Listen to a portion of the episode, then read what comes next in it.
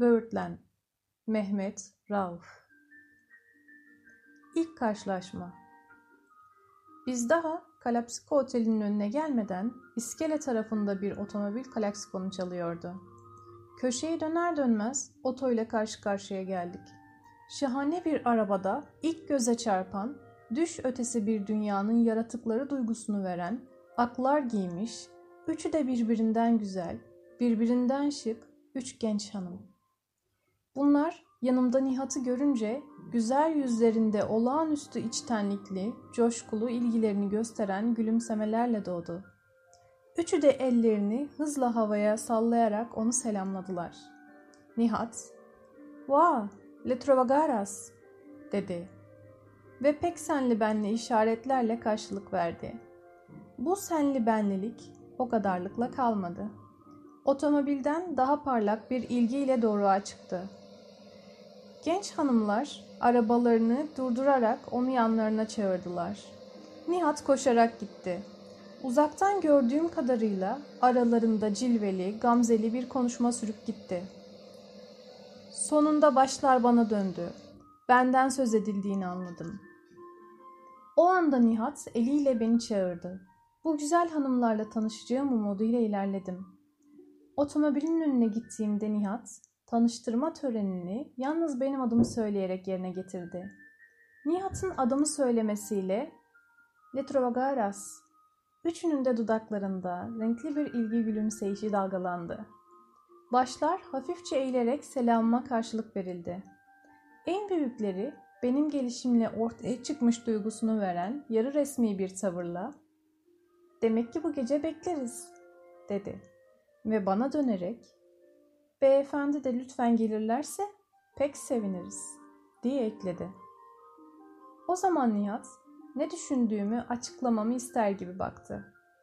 En küçükleri olduğu anlaşılan açık ela gözleri, şeytanlık şimşekleri dolu, kalınca dudakları sürekli gülümsüyor duygusu veren pek işveli bir gülümseme goncasıyla çiçeklenmiş küçük hanım, artık bu kadar naza dayanamayız Nihat Bey, diye sitem etti. Arkadaşım var dediniz. O da çözüldü. Hala bu duraksama ne demek oluyor? Ve bana dönerek gülümsemesi daha derinleşmiş, gözleri daha canlanmış, yüreğimi ele geçiren sıcak ve etkili bir sesle "Değil mi beyefendi?"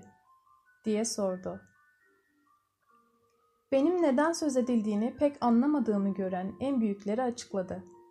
Nihat Bey'i hiç beklemezken burada birdenbire böyle ele geçirmek bizi pek sevindirdi. Bu, aşk, bu akşam köşkte konuklarımız olduğu için onun da gelmesini isteriz. Birlikte olduğunuzu söyledi. Artık sizinle de tanışmış, tanışmak mutluluğuna erdiğimiz için birlikte gelmenize bir engel kalmamış demektir. Lütfen çağrımızı kabul edin. Ben duyduğum gönül borcunu dile getirmek için hem Nihat'ın hem kendi adıma teşekkür ettim. Ak eldivenleri hapsedilmiş ellerine sıktık ve gönül ayartıcı gülümsemeleriyle içimiz renklenmiş, aydınlanmış olarak oradan ayrıldık. İlk sözüm, kim onlar Allah aşkına, oldu. Nasıl anlatacağını arıyormuş gibi kısa bir duraksamadan sonra bin bir anlamla dolu bir dudak oynayışıyla yalnız onlar dedi. Kim onlar? Canım demin söyledim ya. Letrovagaras. Efsaneler devri için Letrovagaras denilen güzellik tanrıçaları neyse, kutsal 1923 yılında İstanbul'un yüksek zevk hayatı içinde bunlar odur. Bunları nereden tanıdın?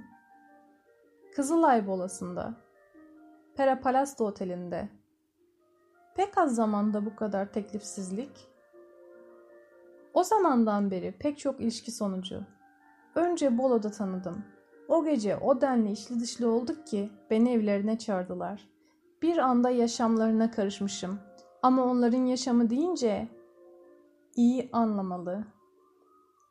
Babaları kim? Bilmem.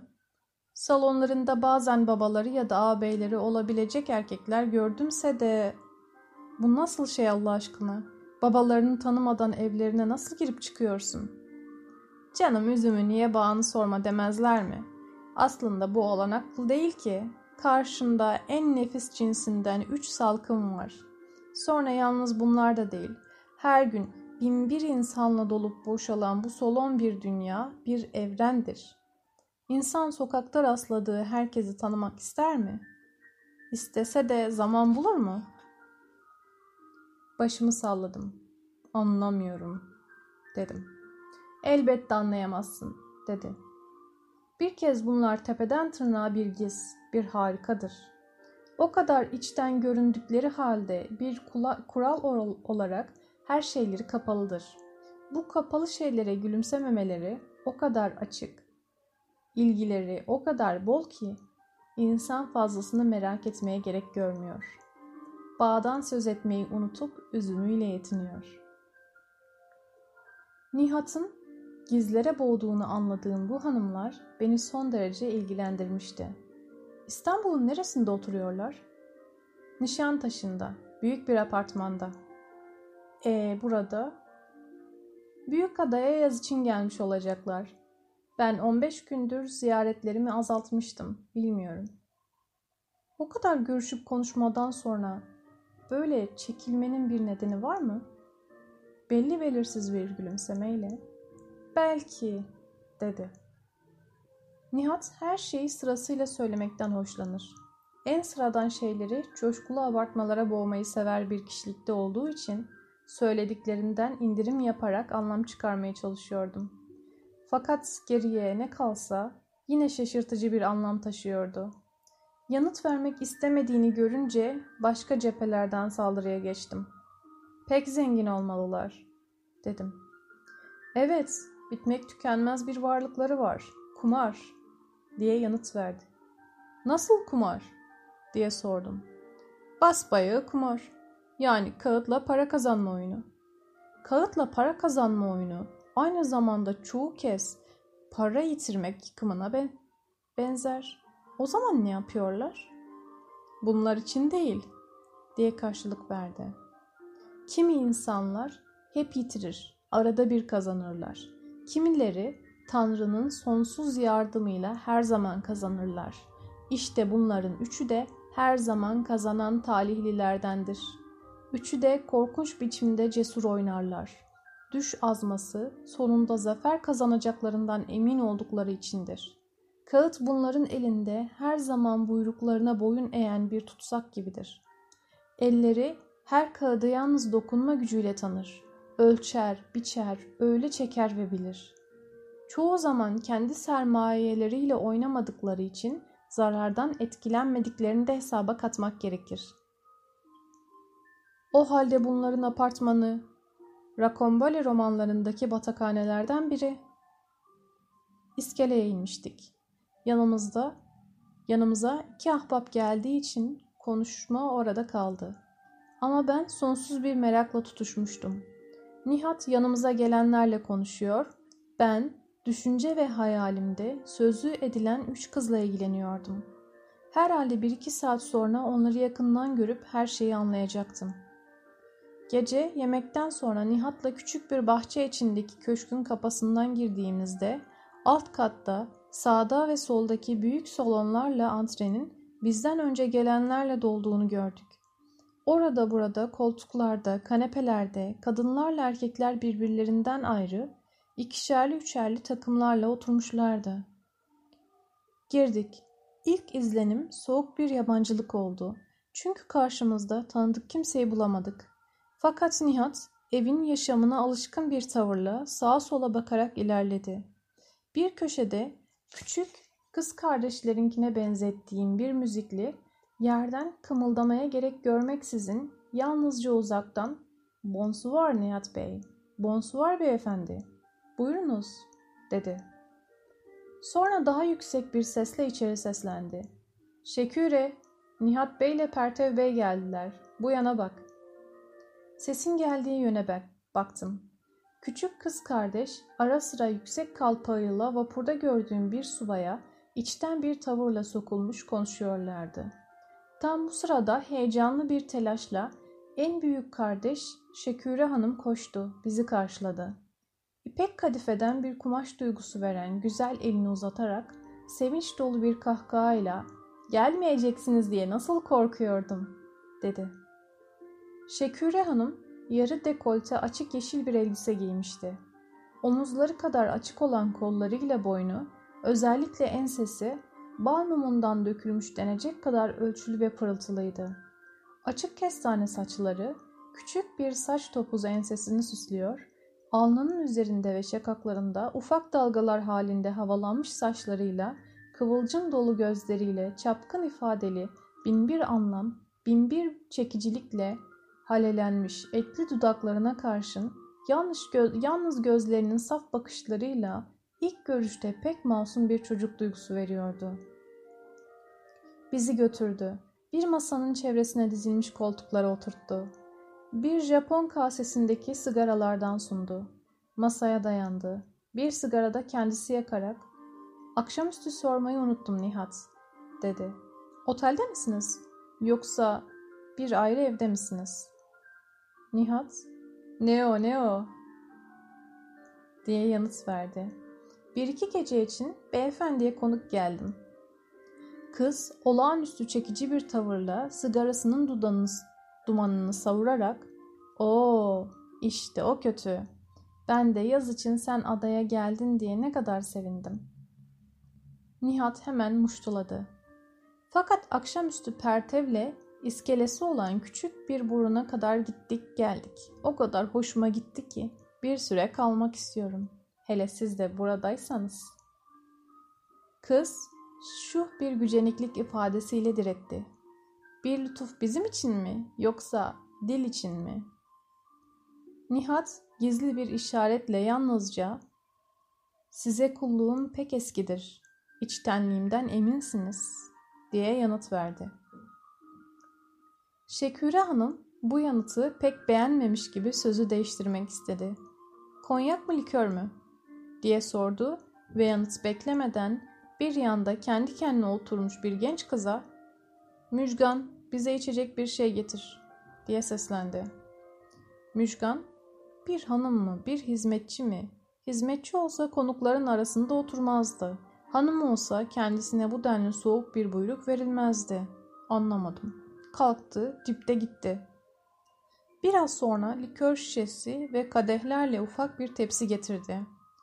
Bu daha yirmisine gelmemiş, güzel görünmek için süslenmemekle birlikte dargın bir donuk bakan açık kestane gözlerinden bir şiiri andıran ve sonsuza dök süreceği izlenimini veren bir kırgınlık belirtisiyle kıvrılmış dudaklarından sezilemeyecek ölçüde etkili Anlaşılmaz ama çekici bir büyü anlamı taşıyan bir genç kızdı. Nihat sevinçle ''Vay Müjgan Hanım nasılsınız? Umarım iyisinizdir. Bakın ada size ne kadar yaramış. Artık hastalık tümüyle geçti ya.'' dedi. Genç kız yanıt verilmesini engelleyen bir utangaç, utangaçlıkla gülümsedi. Göz ve dudaklarındaki derin büyü anlamı bu gülümsemeyle bütün parlaklığıyla ortaya çıktı. Nihat bana dönerek, Müjgan Hanım evin çok sevilen çocuğudur. İstanbul'dayken zatürreden uzun süre hasta yattı. Ama çok şükür tehlikelerden kurtuldu. Bak hatta sağlığına o denli kavuşmuş ki. Büyülü dudaklarda aynı gülümseme yanıt veriyordu.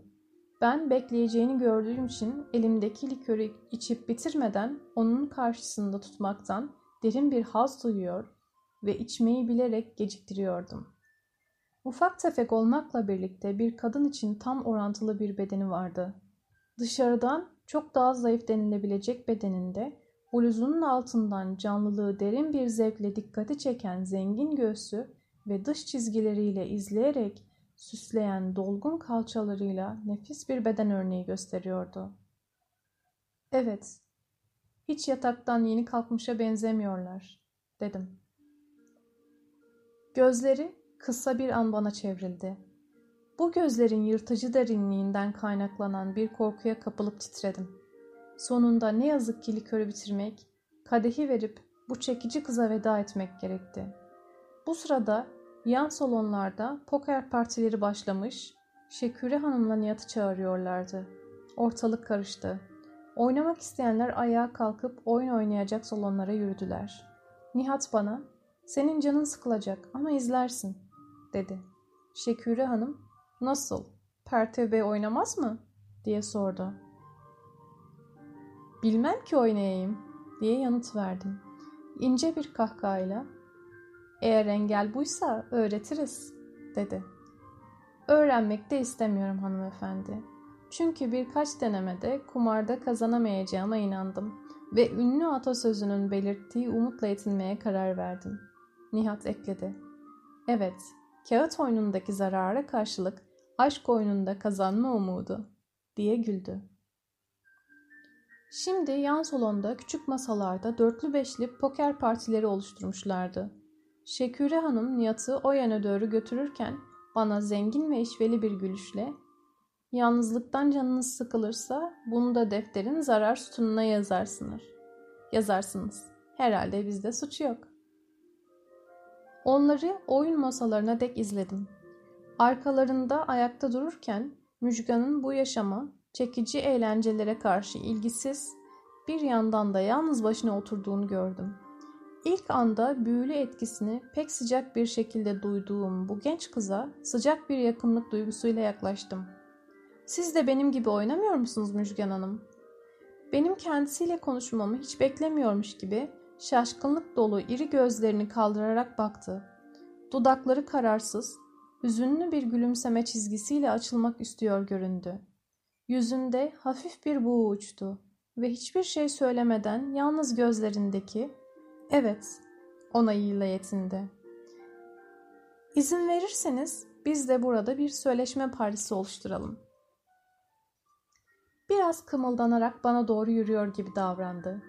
Ondan belirli bir yanıt alamayacağıma inandığım halde siz de benim gibi oyun sevmiyorsunuz sanırım dedim. Kuru kuru ben hiçbir şey sevmem yanıtını verdi.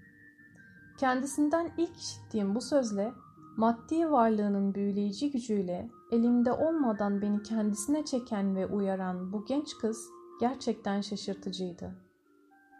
Çok ilginç. Öyle bir yaştasınız ki her şeyi sevmeniz gerekir. Dünya şık, güzel ve pek çekicidir. Gençsiniz, güzelsiniz. Şairce bir yaratılışınız var. Bu yaşta, bu yaratılışta her genç hanım için yaşam yalnız gülümseme, yalnızca ilgi ve yalnızca mutluluktur, dedim. Alınmışa benzer bir tavırla, ben hiçbir şeye ilgi duymuyorum, dedi ve gözleri uzak bir köşeye aktı. Dudakları bir güceniklik belirtisiyle gamlandı. Göğsü derin bir hareketle kabardı.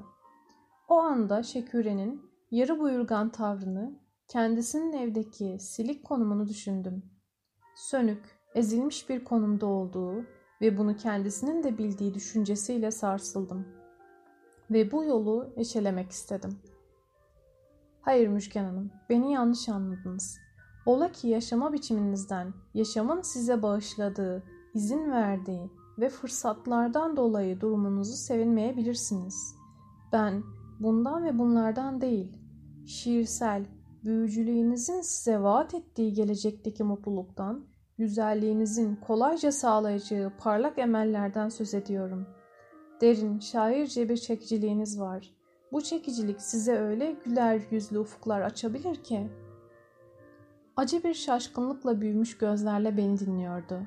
Sözlerimin onu sevindireceğine, gücendirdiğini gördüm. Anlamıyordum ki. Evdeki bağımlı konumu, gizemli ve büyülü çekiciliğine karşın onu, çevresinde uçuşan ışıltılı kelebeklerin özlemlerinden uzak mı tutmuştu?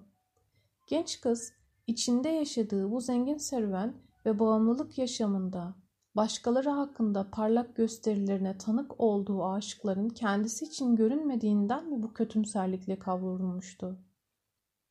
O zaman bu vahşi çekiciliği olan genç kızın hiç beklemediği derin ve şairce bir aşkla hayalini, yüreğini ve yaşamını süslemek istediği derin bir emel ve düş halinde ruhumu kavradı. Evet, sönük ve mutsuz bir yaratılıştı.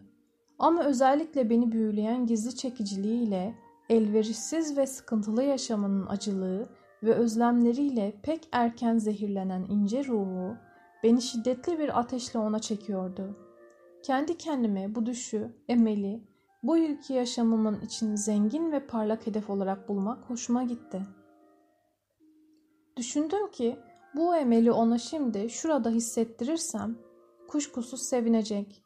Ömründe hiç kimseden görmediği anlaşılan bu tutkuyla bu el değmemiş ruhunda kendiliğinden bir eğilim canlanacaktı. Bu umutla dedim ki, örneğin inanın ki bir gülümseyişiniz bütün yaşamımı ayaklarınızın altına sermeyi benim için büyük mutluluk haline getirir. Bir kamçı darbesi almış gibi şiddetle silkelendi. Aşağılanmış bir kibirlilikle fırlayarak tek bir söz söylemeye bile gönül indirmiyormuş gibi büyük bir kızgınlıkla kapıya doğru süzüldü. Çıktı gitti. Orada donmuş, taş kesilip kalmıştım. Elimde olmadan bu aşağılayıcı davranışın kimsece görülüp görülmediğini anlamak için sağa sola baktım. Herkes oyun heyecanıyla kendi alemindeydi. Ne yapacağımı bilmeden kalkıp oyunculara doğru yürüdüm. Ruhum azgın fırtınalarla allak bullak bir haldeydi. Ah ne anlaşılmaz, ne bilmece gibi genç bir kızdı ya Rabbim. Başka herhangi bir kadının sevinçle kabul edeceği, kabul etmese bile herhalde incelikle incelik gösterebileceği bu bağlılığı, böyle kırgınlık ve öfkeyle geri çevirmek için bu nasıl bir yaratıktı? Her şeyden önce hakkında Nihat'tan iyice bilgi almak, bu bilgi üzerine karar vermek gerektiğini gördüm. Bunun için konuyu düşünmeyip oyunla ilgilenmeye, oyuncuları izlemeye karar verdim. Oyun masaları tam karşılık içindeydi. Partiler coşmuş, oyuncuların önleri fişlerle kabarmıştı. Nihat'ın oynadığı masaya yaklaştım. Şişman bir Ermeni kadınla ufak tefek, saçı sakalı ağarmış, orta yaşlı bir beyin karşısında, Şeküre'nin yanında. Başka bir masada küçük kız kardeş, daha önce sözünü ettiğimiz kalpaklı subaya eşlik ederek pek kızmış bir oyunu yönetiyor ve oynarken sürekli heyecanlı sesler çıkararak sesiyle bütün odaya hükmediyordu. Gözlerimle ortanca kız kardeşi aradım. O kardeşlerine göre ılımlı görünüyor, neredeyse soğuk denilecek kadar sessiz, masasında kağıtlarla ilgileniyordu. Önünde fişler, gösterişli bir küme oluşturmuştu. Oyun masalarının başında durduğum ve kısmen ilgilendiğim az zaman içinde Nihat'ın deyişiyle Letruvagaras sürekli olarak kazanıyorlardı.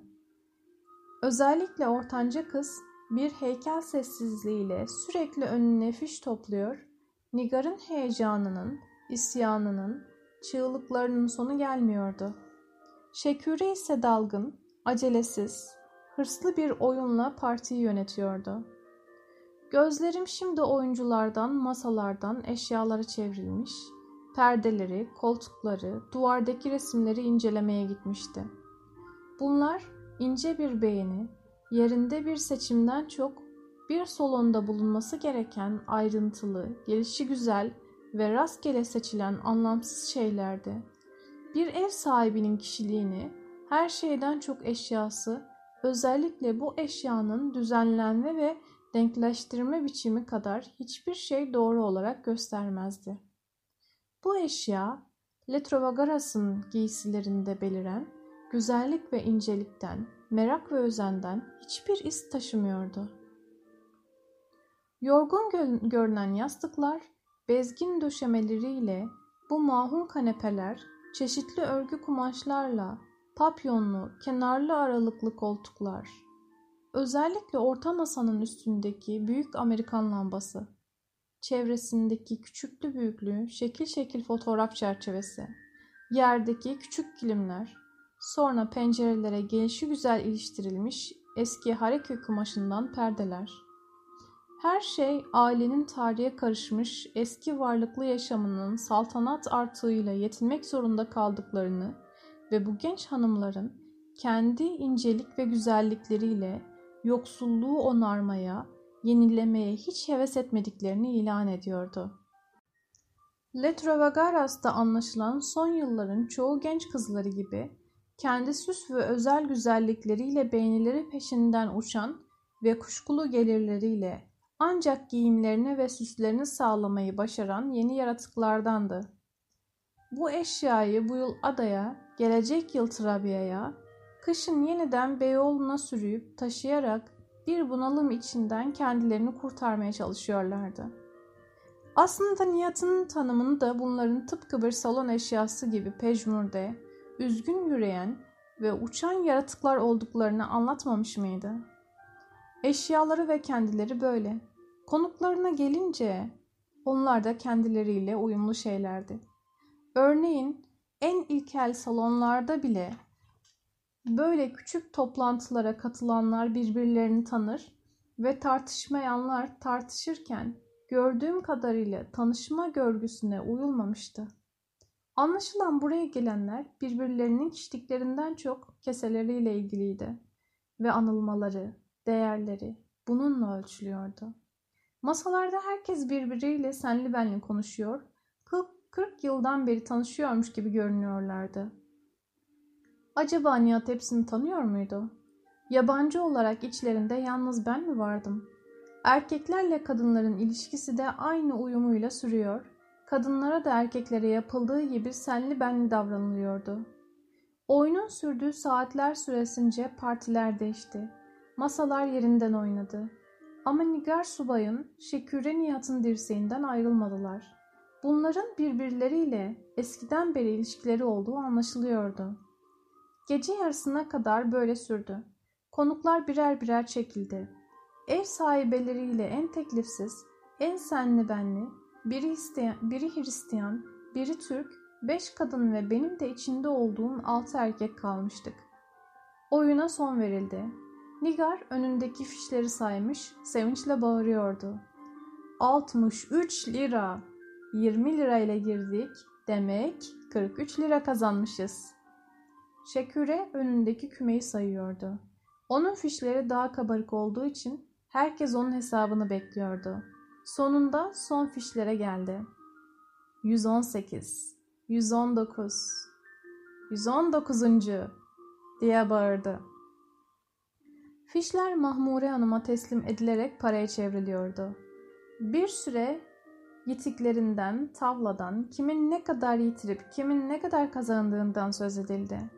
Ben bu sırada Nihat'ı yavaşça bir yana çekerek ''Seninle beş dakika ciddi görüşmek isterim Nihat'' dedim. Açık pencereden balkona çıktık. Orada Müjgan hakkında bildiklerini tam bir ciddiyetle söyler misin bana? dedim. Yüzünde anlamlı bir gülüş dalgalandı. Alayı bırak, iş çok ciddi. Aslında akşamüstü söylediğin sözden buranın nasıl bir yer olduğunu kısmen öğrendim. Ama bu yetmiyor. Onun adına bana dostça yol göstermen gerekirken beni yaya bırakıyorsun. Bu bağışlanamaz. Diye yakındım. Vay vay vay diye söylendi. Bu ne coşkunluk. Düzelttim. Coşkunluk yok. Herkese karşı nasıl davranacağımı bilmiyorum. Kısaca kim olduklarını belirlersek yeter. Ayrıntılı açıklamalar istemiyorum. Eğer yapmayacaksan çıkıp gideyim. İşin ciddi olduğunu anladığı için önce Müjgan bu ailenin bir akrabasıdır. Babası sancakta bulunmuş, sonra bir gün ansızın öldüğünde servet bırakmadığı için kızcağız buraya sığınmış. İyi bir öğrenim ve eğitim görmüş. Fransız kız okulunu bitirdiğini söylüyorlar.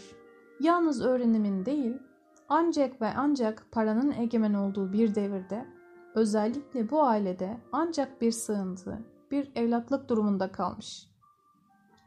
Bundan dolayı kimsenin dikkatini çekmemiş sanırım. Korktuğun gibi senin üzerinde bir etkisi varsa bu onun yaşamındaki ilk başarısıdır. Kendisinin böyle başarılara hiç önem vermediği anlaşılıyor diye yanıt verdim. Gürültülü bir kahkaha attı. Vay denedin ha? Fakat bu ne haz azizim. Korkunç bir adamsın ha dedi. Sonra ciddileşerek onun kurumuna hiç önem verme. Asıl daha büyük olan kadınlar, daha önemli kadınlar o kadar kolayca yola geldikten sonra dedi ve sesini yavaşlatarak Demin gördün ya, Şekküre'nin 119,5 lirası Nihat'ın kazandık diye duyurduğu 43 lira bir kuruşuydu. Mehdi Bey'in sermayesiyle ve yardımıyla topladığı halde bunun bir kuruşunun kırkta birini bile görmeyeceğiz. Mahmure Hanım'ın ne kazandığını hiçbir zaman hiç kimse bilmez. Onun kazancı hep gizlidir. Sürekli uyarıda bulunduğu için hesabı karışır. Ama inanıyorum ki en çok kazanan odur. Onun kadar kurnazca, idareli oyun oynayan pokerci hiç görmedim. Fakat ne yapalım? Bu ilgiler bedavaya olmaz. Bak sen de göreceksin ya, bu yaşına değin. Hakladığının acısını bundan sonra nasıl haklayacaksın? İnsanı aslında acımasızca soyarlar ama ödülsüz de bırakmazlar. Sana Mahmure'yi salık veririm. Adada sanırım daha kimseyi bulamamış, hoş vakit geçirirsin. Bu sırada içerideki gramofon sesi işitildi.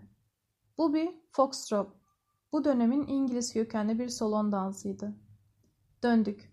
Gramofonun uyumuna uymuş, salonda dans ediyorlardı. Nihat'ın Beydi Be Mehdi Bey'de dediği coşkulu subay, genç kızı belinden kavramış, delice bir hareketle oynuyor, döndürüyor, tam bir coşkunlukla dans ediyordu. Biz solana döndüğümüzde oturmuş bekleyen Şeküre kalkarak Nihat'ı tuttu. Onlar da dönmeye başladılar. Öyle ki gramofonun başında duran ve plak dönüp bittikçe tekrar işleten Müjgan'la benden başka herkes dans ediyordu. Müjgan'ın yüzü hala kırgınlık bulutuyla örtülü görünüyordu. Kırık varlığını bilmeksizin incettiğimi düşünüp derin bir onarma ihtiyacı duyarak yaklaştım. Beni bağışlamanızı dilerim Müjgan Hanım, dedim. Hala yenildiği kızgınlığına karşın kuşkusuz beklemediği bu bağış dileğini şaşkınlıkla kabul etti. Hafif bir omuz hareketiyle estağfurullah dedi.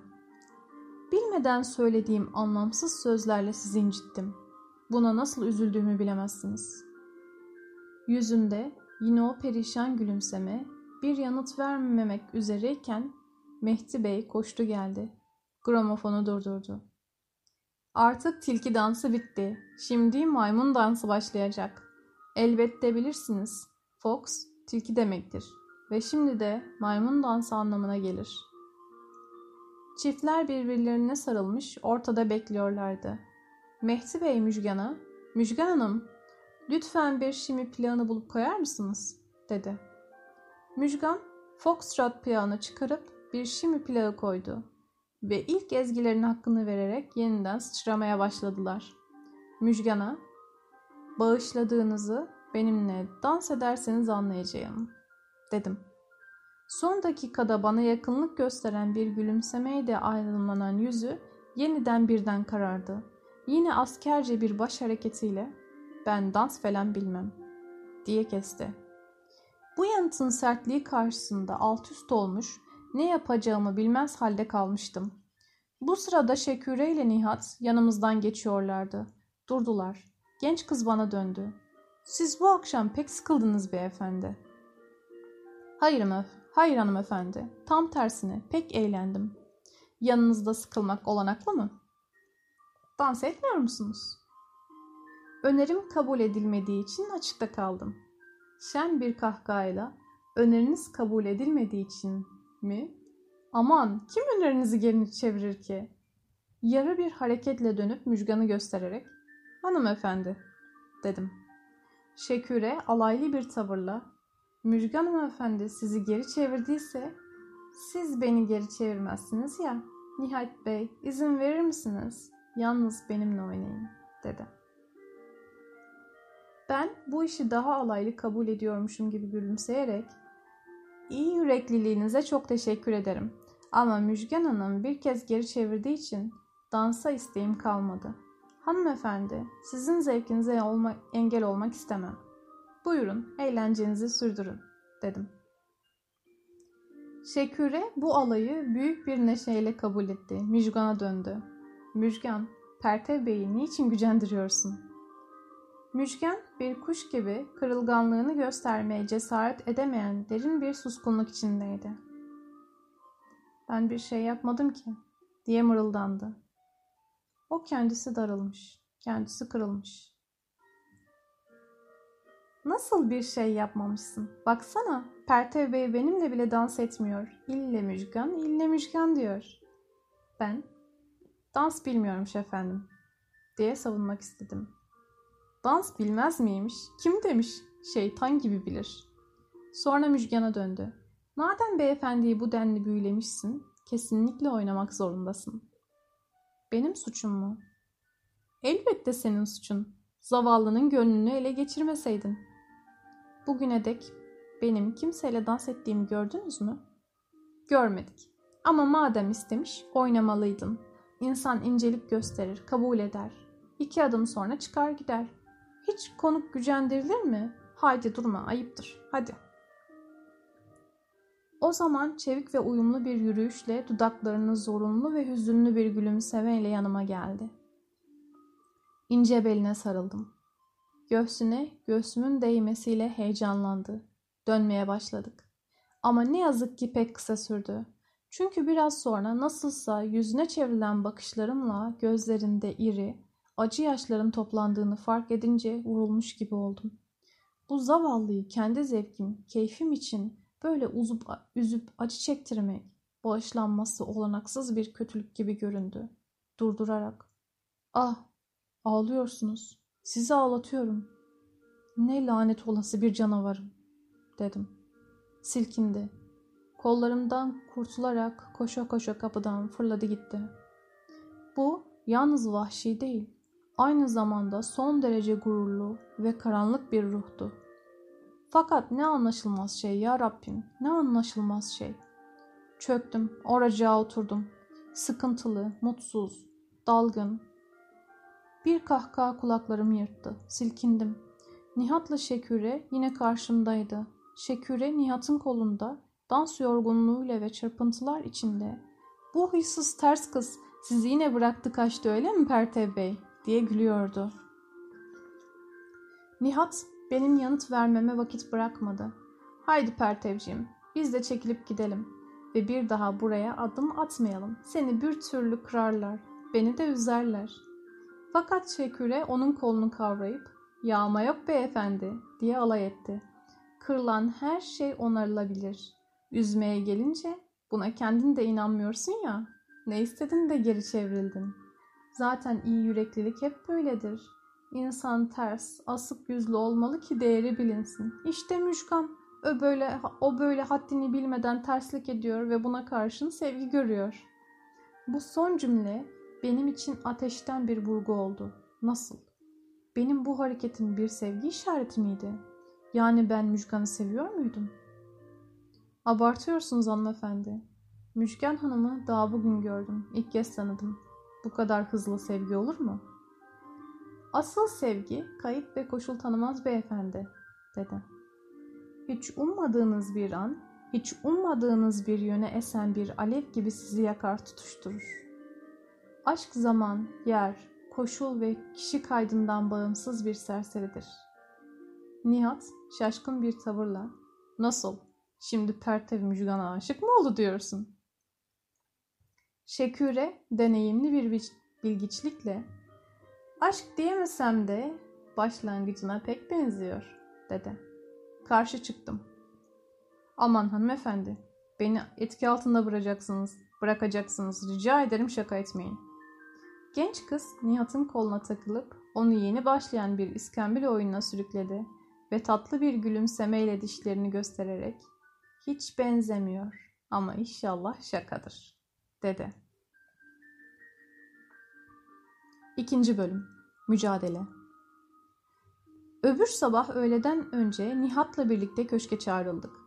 Gece vedalaşıp ayrılırken Şeküre bana pek hoş bir gülümseyişle ''Siz yarın sabah gelin, ben işi yelin yoluna koyarım.'' diye söz verdi. İşi yoluna koymak. Bu sözle acaba nasıl bir anlam veriyordu? Ben Müjgan'ın yalnız ruhunu anlamaktan başka hiçbir şey istemediğim halde acaba o benim ilgimin daha tutkulu bir yönü mü var sanıyordu. Gece oradan ayrıldıktan sonra yolda Nihat'tan bildiği kadarıyla onların özel yaşamlarıyla ilgili kimi ayrıntılar öğrendim. Bu hanımlar için dünyada paradan büyük güç düşünülemezdi. Onlara her şeyi yapmak ve yaptırmak için Ancak savurganlık derecesinde eli açık olmak gerekiyordu. Hatta Nihat hiç kuşku etmiyordu ki Şeküre'nin bana karşı bu gece gösterdiği sıcaklık parasal durumum hakkında ondan aldığı güvenceden kaynaklanıyordu. Çünkü onlar tanıdıkları bir erkeğin her şeyden önce parasıyla ilgilenir, zengin olup olmadığını merak eder ve bunu öğrenmek isterlerdi.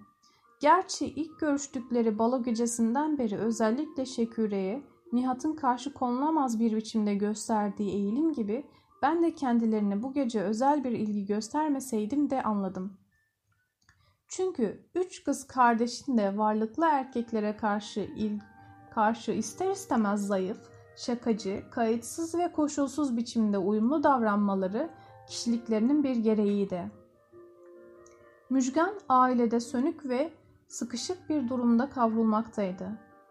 Eğer gerektiği gibi giyimine kuşamına özen gösterse, çekiciliğini göstermek için olanak bulsa, kuşkusuz kuzenlerine her bakımdan yetişecek yeteneği varsa da ne yazık ki bu olanağı yoktu ve kız kardeşler de Müjgan'a bu olanağı tanımaya özen vermiyorlardı. Nihat son söz olarak bunların üçünü de her istediğini bütün bağlılıklarıyla, bütün sıcaklıklarıyla yaptırabilirsin. Gereken şey yalnız para. Para ve paradır. Acımadan dökmeli, saçmalı, hesapsız. Müjgan armağanlarla boğmalısın. Böyle yaparsan müjgan dahil üçü de kolayca senin elindedir. İlginç. Örneğin Şeküre de mi? Aranızda pek güçlü bir yakınlık hissediyorum. Sen buna ilgisiz kalabilir misin? Hafif bir kahkaha attı. Aman tertib. Beni yeni mi öğreneceksin? Benim bütün kadınlarla özellikle böyleleriyle bağım ancak tensel ilişki anısıyla sınırlıdır. Bu anı hiçbir zaman daha içeri işlenmemiş ve işlenmeyecek. Yani eğer hoşuna giderse istediğin kadar senin olsun. Şeküre'ye gelince o bu konuda benden daha keskindir. Bana gösterdiği ilgi başkalarından çok görünürse de hiç kuşku etme ki onun da cildinden yüreğine dek yetişmemiştir. Aslında son günlerde onlardan uzaklaşmam da böyle bir şeyden dolayıdır. Bana cildini bile dirhem dirhem satmak istiyor. Bunu da sürekli para harcatmak için bir yöntem olarak kullanıyordu. Ama bu gece artık sorunu hallettik. Hem canım giden para, gelen zevk olsun. Hele böyle kızlarla. Değil mi? Şimdi yarın gidelim. Onları yalnız bulalım da. Bak ne şeker şeylerdir. Ne tuhaf bir çocuksun. Yanı başında mahmure gibi enfes şahane bir parça beklerken sen git o pısırık vahşi kıza tutul. Şiddetle karşı koydum. Tutulma yok Nihat, rica ederim. Sen de Şeküre gibi yanlış anlama. Tutulma yok, yalnız merak var. Mahmure.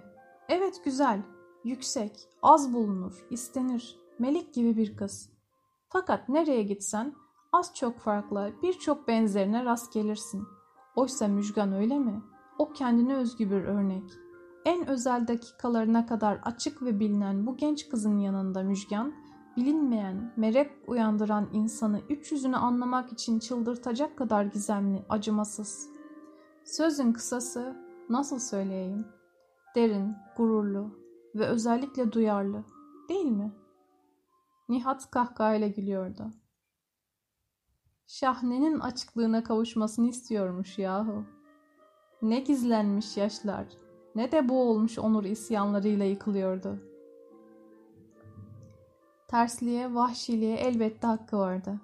Yaşam onu parlak bir gelecek için hazırlarken bu gelecek en acı bir bozgunlukla yıkılmıştı. Bu dudakların gülümsememesinden, bu gözlerin gülmemesinden doğal ne olabilirdi? Sabaha dek böyle bin çözümleme, bin birleştirme fırtınası arasında gözlerim karabasanlardan kaynaklanan çırpınmalara karışıyor, bin bir yüz, bin bir kararsızlıkla boğuşuyordum. Kendime her gelişimde saate sarılıyordum.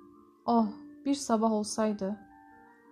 Sonunda bir zaman oldu ki uyuyamadığım gibi hareketsiz yatmam da olanaksızlaştı. Fırladım kalktım. Odamın penceresini açtım. Sabah oluyordu. Adanın zümrüt ufku üstünde pırlanta bir gökyüzü açılmış, mavi renkli bir deniz uzamıştı. Bütün evrende en sezilmez bir hareket esintisi, tek bir ses zerresi bile yoktu. Derin ve Gümüş benzeri bir uyku ve sessizlik.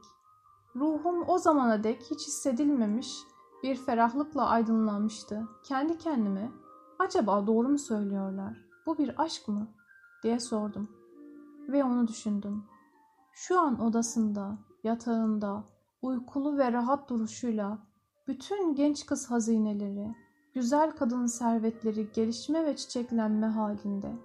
Kim bilir ne hoş bir görüntüsü vardı. Acaba dün gece bir an olsun beni düşünmüş müydü? Nefretle mi yoksa? Ah, onun gönlünde damla kadar bir ilgi kıpırtısı, bir sıcaklık dalgası yaratmak. İşte benim amacım bu. Yalnız buydu. Bu onun fark etmeden yanından geçen yüzlerce erkek arasında beni, kendisindeki gizli şiirselliği, zengin coşkunluğu fark ettiğimi bilmesi, anlaması ve benim o erkeklerden başka bir varlık olduğumu anlaması isteğiydi. Ama yalnız bu hal, başka kadınların en mutlu aşk ilişkilerinde erişmekten yüz bin kere daha zor. Belki kesinlikle olmayacak bir şey değil mi?'' Ona bu hali anlatabilmek için kendisiyle içten bir söyleşi yapmak gerekliydi. Oysa ele avuca girmeyen sert varlığıyla bu olanaklı mıydı? Sonra onun gururlu ruhunu titretmek. Bunu başarabilir miydim? Bütün bu düşüncelerle balkonda dolaştım. Sonunda Nihat da uyandı. Kahvaltımızı ettik, yıkandık, tıraş olduk, giyindik. Saat 9'a doğru evden çıktık. Oraya gitmek için daha erkendi. Birlikte iskeleye inip gazeteleri gözden geçirdik. Saat 10'a geldiğinde Nizam plajına giden yola koyulduk. 10 dakika sonra köşkün kapısındaydık. Hanımların üçü de bahçede bizi bekliyorlardı. Köşkün asıl bahçesi zengin bir çamlık halinde binanın arasındaki denize doğru uzanıyordu. Bizi oraya götürdüler. Orada sık bir çam gölgesinde açılır kapanır koltuklar, hasır kanepeler hatta hamaklar vardı. Üçü de son derece neşeliydi. Özellikle dün gece benim Müjgan'la olan durumum onları çok ilgilendiriyor. Gösterdiğim bu sıcak ilgiye çok şaşırıyorlardı. Nigar dudaklarında ince bir alay çizgisiyle ''Aman pek tuhaf şey, hiç aklıma gelmezdi.'' diye bunu düşünülemez bulduğunu saklamıyordu. Mahmure ekliyordu. Sonra bu olağanüstü yakınlığın değerini sersem anlamıyor ve terslik ediyor ha? Ne günlere kaldık Allah'ım diye gözlerini gökyüzüne kaldırıyordu. Ben hiçbir fırsatı kaçırmayarak konunun verilen önemden ayrı olduğunu yenileyip duruyordum. Onlar ben söylerken inanmış görünüyorlar, doğal buluyorlar ama bir dakika sonra yeniden söz ederlerken yine eski inandıklarıyla söylemekten geri kalmıyorlardı. Özellikle beni Nigar'ın bu konuyu hafife alması sinirlendirdiği için karşılık vermek zorunda kaldım. Hayır hanımefendi, izin verirseniz açıklayayım. Bir kez bu ilgiye çok sıcak bir anlam vermek büyük bir abartmadır. Özen gösterilerek yetiştirilen çiçekler ve yemişler vardır. Sonra köşede bucakta, çayırların, çitlerin arasında kendi kendine yetişmiş çiçeklerle yemişler de vardır. İnsan o özen gösterilen örneklere elbette hayran olur. Ama doğanın bağış ve özeniyle kıyıda yetişeni de yakından incelersek ne derin güzellikler buluruz. Kimi zaman bir çayır ucunda öyle bir yemişe rastlarsınız ki hayran olmamak elde olmaz. O denli çekici ve tatlıdır. İşte Müjgan Hanım'ı hiç tanımadan dün gece salondaki davranışlarıyla birden görünce bana öyle geldi.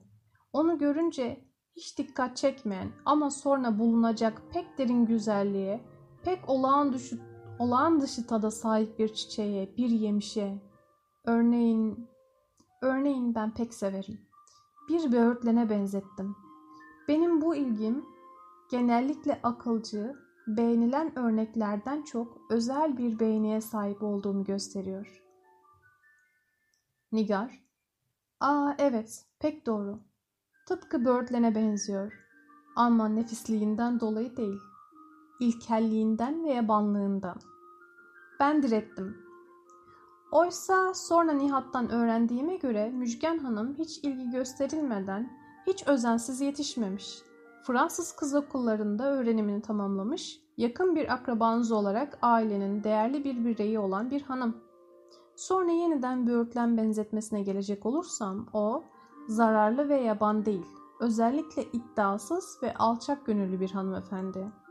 Özenle toplanıp törenli bir sofraya sunulan turfanda çileğe ben böğürtleni yeğlerim. Evet, çilek daha parlak, daha gösterişlidir. Ama ne yapalım ki pek boldur. İstenirse yetiştirilir. Oysa bir çiftin en güzel, en güzel köşesinde yetişmiş, nazlı, gururlu, yüksek bir böğürtlenliği düşünün. İşte Müjgan Hanım'ın kişiliğini ben böyle anlıyorum. Bazen beğeniler yalın bir alçak gönüllülüğü şamatalı ve iddialı şeylere yeğlerler. Bu ders yeterliydi. Mahmure durumu kurtarmak için hemen atıldı. Evet, böğürtlen alçak gönüllü ve yalındır. Ama aynı zamanda yabanlıktan uzaktır da denemez. Bence Müjgan'da iki halde var.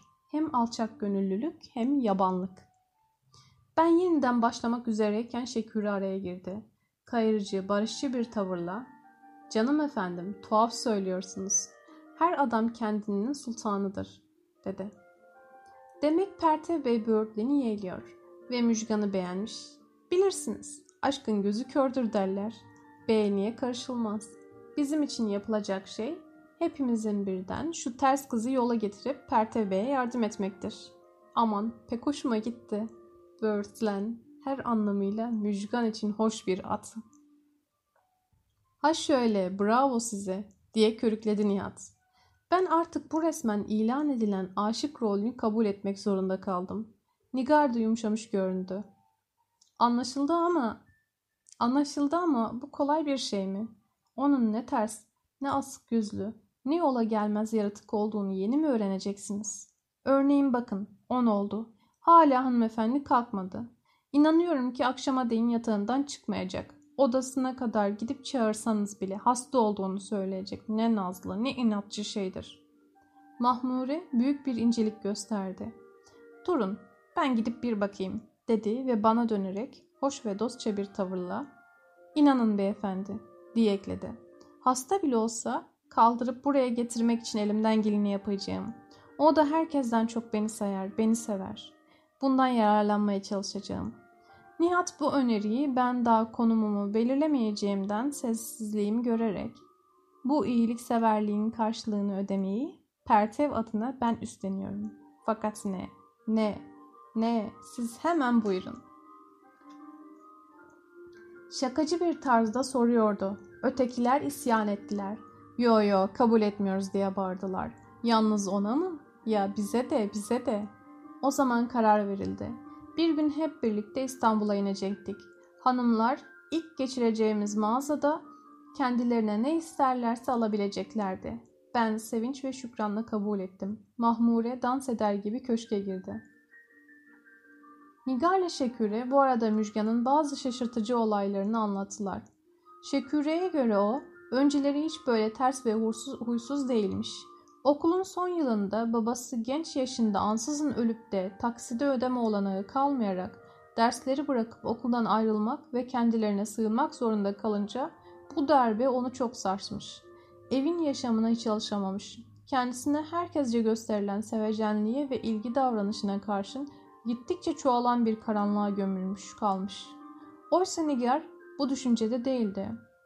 Onu ta küçüklüğünden beri gözlemlediğini hiç kimseye sokulmayan, herkese sert davranan, durmadan ağlayan bir çocuk olduğunu söyledi. O sırada Mahmure köşkün kapısında göründü. Hepimiz yüzünde bir anlam arayarak bekledik. Gülümsediği için genç kızı uyandırmayı başardığı anlaşılıyordu. Ama beynim çırpınmalar içinde bayılıyordu. Heyecanımı şiddetlendirmekten tat alıyormuş gibi bir söz bile söylemeyerek geldi. Koltuğa oturdu. Hepimiz merakla yüzüne bakıyor ve söz bekliyorduk. Sonunda yalnızca şimdi gelecek dedi. Nigar nasıl nasıl gelecek mi diye şaşırdı. Şaştım vallahi inanılmayacak şey. Mahmure sürdürüyordu. Kendisiyle uzun uzun konuştum, anlattım, razı ettim. Beni kırmayacağından emindim. Bense aşırı bir heyecanla kıvranıyordum ve bunda çok haklıydım. Çünkü daha dün tanımadığım bu az rastlanır yaratıktan ayrıldığım son dakikadan beri olaylar ve duygular öyle hızlı bir ilerlemiş, öyle şeyler ortaya çıkmıştı ki bu yeni durumu en nefis serüven haline getiriyordu. Önce Şekküre ile Nihat'ın görüşleriyle bende ortaya çıkmış duygular, sonra kız kardeşlerin hepsinin güvence vermesiyle gerçekleşen güven, beni sanki bir aşk görüşmesi yapmaya gelmiş konumunu yükseltmiş gibiydi.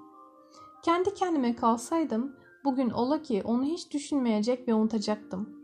Bu müdahale beni alevlerin yaladığı bir uçuruma yuvarlamıştı. Ona yani Müjgan'a gelince Mahmure'nin dediği gibi ilk itiraz atağı kim bilir hangi açıklama ve telkinlerle gevşemiş, kim bilir ne gibi düşüncelerin yönlendirilmesiyle Nigar'ın inanılmaz bulduğu razı olma durumu ortaya çıkmıştı. Demek şimdi onun bende yarattığı sıcak ilgiden ve bunun herkesce aşk kabul edildiğinden haberi vardı. Nigar'ın o denli şaşırdığı bu razı oluş bu durumu kabul etmek değil miydi? Aman ya Rabbi, onun bu koşulda bu denli ele gelmesi olanaklı mıydı? Gözüm köşkün kapısında ruhum bütün emelin rüzgarlarıyla uçmuş, varlığım yanı başımda konuşulan şeylerden uzak tek başıma bekliyordum. Sonunda bir an oldu ki bütün benliğim şakaklarımda toplanmış bir vuruşla sarsılmaya, dövünmeye başladı. Oydu, o geliyordu. Bütün kişiliği dudaklarında bek biçimlenen acıklı, perişan bir gülümseme çizgisinde toplanmıştı. Sendeler gibi yürüyordu. Kendisine dikilmiş bu gözlerde ne anlamlar bulacağı kaygısı bütün varlığa egemendi. Ben bilindiği gibi, haydi Nihat da benim yandaşım diyelim. Hatta Şeküre'nin de karşı olmadığını söyleyelim. Ama elbette Mahmure, hele Nigar'ın epeyce düşman ve mutsuz, mutsuz oldukları o değil, ben bile emindim. Oysa kim bilir zavallı kız onların hepsinde ne onur yaraları, ne soğukluk darbeleri almıştı. Bu gözlerde hiçbir şey olmasa bile en derin bir alay ve hoşgörü şimşeği de mi yoktu? Ancak kendisine yöneltilmiş bu ateşin hedefinde yine de pek hoş davrandı. Çok doğal bir tavırla ilerleyerek Nihat'a ve bana selam verdi. Hanımlara dudağının ucuyla bir iyi akşamlar yaptı. Oradaki bir koltuğa ilişti. Eliyle şakaklarında köpürmüş saç dalgalarını düzelterek Nigar'ın hemen sorduğu bir soruya yanıt verip konuşmaya başladı. Nasıl bakıyordum bana ve nasıl nefisti. Bu haziran sabahlarının çamlarının tüllerinden sızan canlı güneş ışınlarında dalmış görünen yüzünü ilk kez apaçık ve bütün çizgileriyle görüyordum. İnce ve kestane kaşları dinlerken söz söylerken binbir hayretle binbir anlam alıyordu. Bu hareketler ruhunun dışının yaşama dokunmasından kaynaklanan bir şey gibi aynı zamanda gözlerine, dudaklarına da aynı anlamın renk ve değerini serpiyor. Bu donuk ak yüzü çok dalgalı, titrek, şuh ve okşayıcı gülümsemelerle, gamzelerle süslüyordu. Ruhu yüzünde bütün inceliğiyle titriyordu. Sonunda dinlenmekten ve söylenmekten boş kaldığında bütün bu çekici ayrıntıların hepsinde gece fark ettiğim hüzün gölgesi kararıyor, onun gençlik ve güzellik şiirini sanki derin bir yaz çizgisiyle karartıyordu. Beni özellikle sesindeki soru edası sarhoş etmişti. En kaba bir sözü söylerken bile bu soru anlamı şen ve şakacı bir okşayışla nemleniyordu. Böylece bütün ayrıntılarda beliren kişilik en derin bir büyü havasıyla insanı sarıyor en tatlı bir çekişle sarhoş ediyordu. Ben bu duygular içinde dalmış kalmıştım. Hanımlardan biri sandala binelim mi dedi. Ve bu öneri herkesce kabul edildi. Hep birden güle oynaya deniz kıyısına inmeye başladık.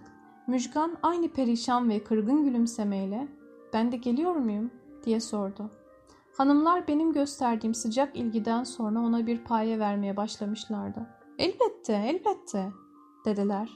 O şaşkın bir tavırla irkildi. Kıyıda ufak bir kızak üstünde sandal duruyordu. Bunu Nihat'la birlikte denize indirdik. Nihat küreye oturdu. Hanımlar ve ben kıç tarafa dolduk. Burada inceliğine hayran olduğum bir düzenle nasıl ettiler bilmem ben kendimi Müjgan'ın yanında buldum. Nigar bir yandan oturmuş söyleniyor, dün geceki oyunlar hakkında ayrıntılar veriyor, bu arada gerektikçe sözü kesilen kalpaklı subaydan Yalnız Mehdi diye adıyla söz ediyordu. Bu sırada sol yanımda ve sandalın kıçında oturmuş kolumu tutup sağımda oturan Müjgan'ın beline doğru kaldırdı ve kolumun o durumda kalmasını istediği sezildi.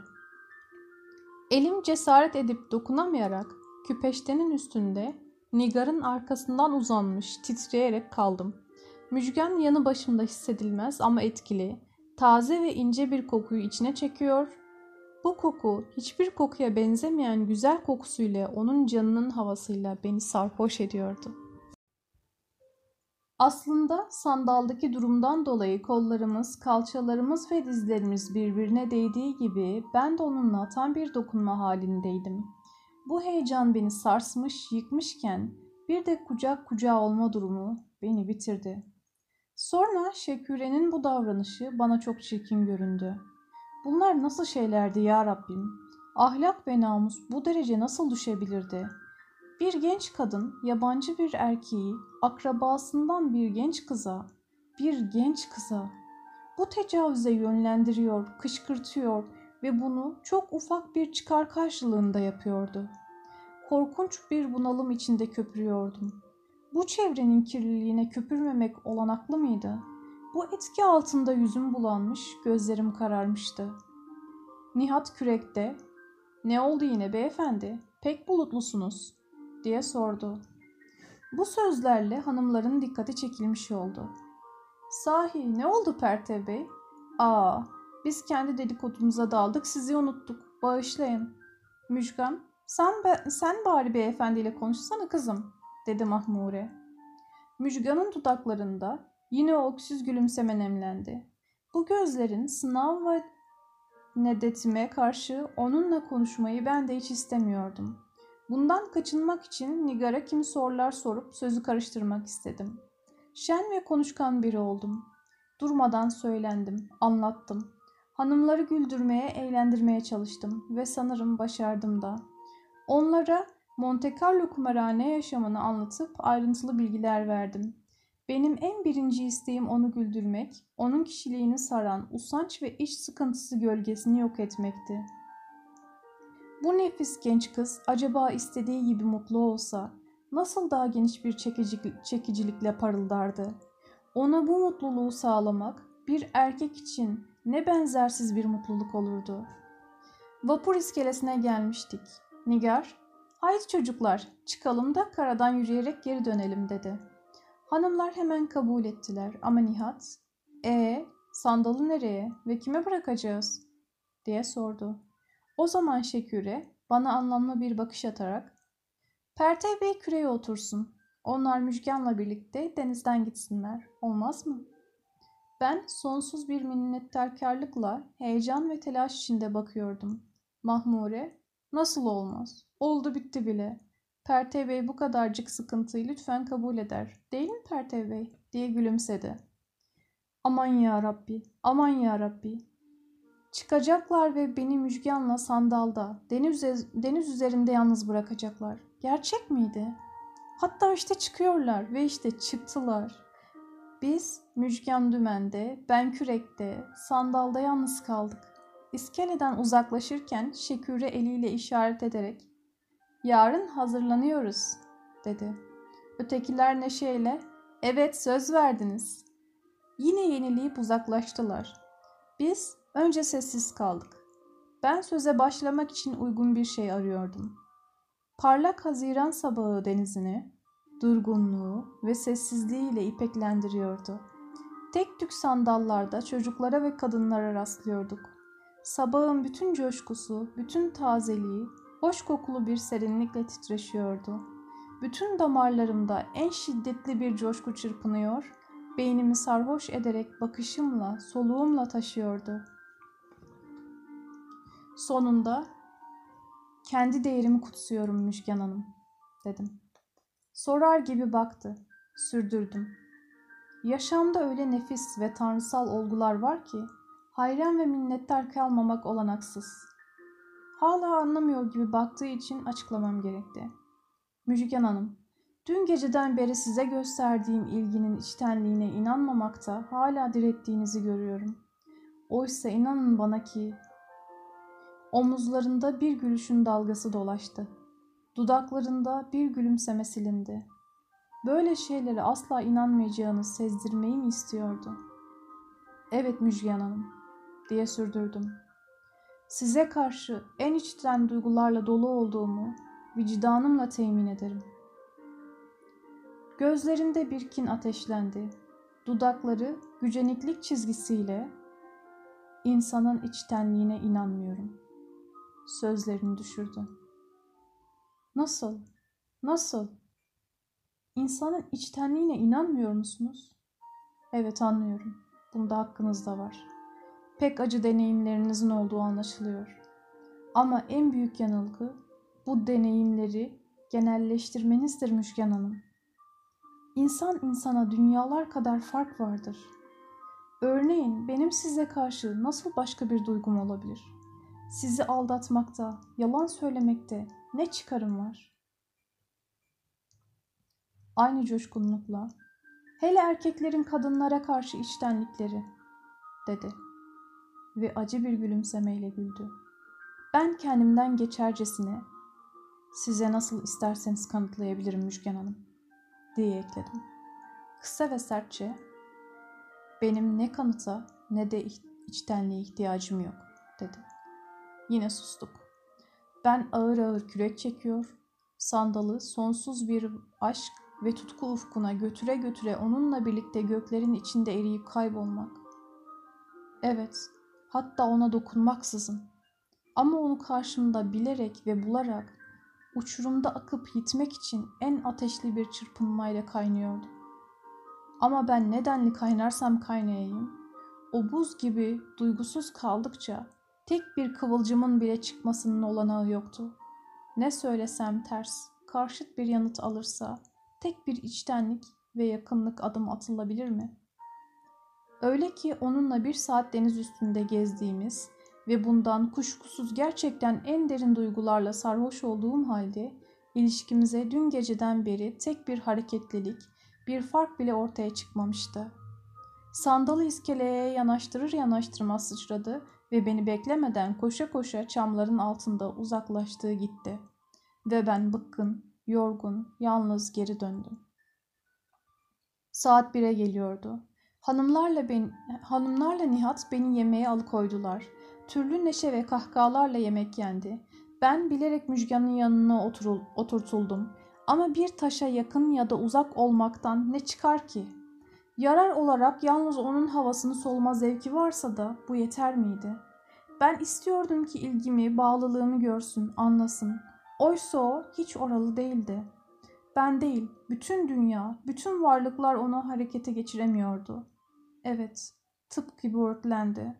Yalnız yetiştiği dikenli çitlerin, karışık dalların üstünde, dokunulmaktan uzak, gözden gizli, devrilmesi olanaksız tahtında egemen olan gururlu ve görkemli bir böğürtlen cesedi. Evet, bu söze verilen rengarenk anlamda benim de hakkım vardı. O güzelliği ve kabalığıyla da böğürtlendi, çekiciliği ve tadıyla da. Ama ah, niçin böyle? Bu denli duygusuz, bu denli yaklaşılmaz. O gece yemekten sonra bir arabaya atlayarak dile gittik. Fakat bu araba eğlencesi gerçekten pek hoş bir şeydi. Nigar Mehdi Bey'le köşkte kaldığından biz beş kişinin yani Mahmure, Şeküre, Müjgan, Nihat ve ben birbirimizin üstüne denilebilecek bir biçimde faytona sıkıştığımızı gözlerinizin önüne getirin. Yemekten önce ve yemekte içilen şeyler kafaları kızdırmış, beyinleri dumanlandırmış, dengemizi bozmuştu. Nihat'la ben, üç genç hanımın arasında kol, bacak, göğüs, kalça baskısı altında ezilmiş kalmış gibiydik. Bilerek yanıma oturtulan Müjgan'la artık gövde gövdeye değil, nokta noktayaydık. Dilde arabadan indik. Çamların arasına daldık. Nihat Şeküre ile Mahmure'yi birini bir koluna, öbürünü öbür koluna takmış, benimle de Müjgan'ı bırakmıştı. Ama Şeküre onun hala yabancı olduğunu ve hep böyle duracağını bildiği için onu getirdi, koluma teslim etti. Artık kaçırmamak size ait Bertev Bey, dedi ve çekildi gitti. Ben hele bir kadınla, onun isteğine aykırı elde edilecek dünya mutluluklarını bile yok sayacak bir kişilikte yaratılmıştım. Onun istemeyerek kolumda sürüklenmesine razı olmadığım için iki dakika sonra serbest bıraktım ve sabahtan beri duyduğum kırgınlık derinlerine ayrı ayrı yürümeye başladım. Evet, ona karşı derin, kine benzeyen bir tepkiyle doluydum. Ne oluyordu? Ona ne yapıyordum? Ne yapacağımdan korkuyordum. Bütün bu sorular beynimde dumanlanıyor, altında düşmanlık bulutları toplanıyordu. O sırada ötekilere rastlaştık. Şeküre, ''Vay, siz yine öyle dargın mısınız?'' diye sordu. Sonra yanıma gelerek koluma girdi. Beni bir yana sürükleyerek, ''Azizim, bu gibi işlerde başarılı olmak için daha girişken olmak gerekir. Evet, sizi anlıyorum. Siz de aşkta gurur yandaşısınız. Ama düşünün ki böyle sevenler her zaman yitirirler. Yaşam olabildiğince çok hoş duygu toplanmaktan oluşmuştur. Bu hoş olasılıkları boş onur inadıyla harcamak hiç doğru bir şey değil. Siz ilk bakışta genç bir kız kadar gururlu ve duyarlısınız. İşte bu yanlış. Ve eğilip hoş bir kahkahacıkla yüzüme bakarak benden bu kadar hocalık, ötesini siz bilirsiniz dedi ve beni orada bırakarak yeniden Nihat'la Mahmure'ye koştu. Bu sırada Müjgan bir ağacın altına oturmuş kendi kendine düşünüyordu. Dersin ilk etkisi olarak yaklaşıp yanına oturdum. Gurur ve kibir en temel huyum olduğu için onunla ilgili hareketleri doğallıkla ve sakince yapabilirdim. Ama kişiliğini hep biçimsiz, pek çirkin yapacağımdan korkuyordum. Gerçekten öyle de oldu ya ama ne olursa olsun artık bir de bu yol denemek istiyordum. Bunun için 4-5 söz arasında elimi rastlantıymış gibi onun eline koydum ve onun çekmediğini görünce tuttum elime aldım. Bu ikinci hareket üzerine onun elinde ısrarlı bir kaşınma görüldü. Ama ben bırakmıyordum. Onun bir isyan hareketi birden o kadar ters, o kadar kaba ve o kadar nefretle dolu bir renk aldı ki bundan derin yara almamam olanaksızdı.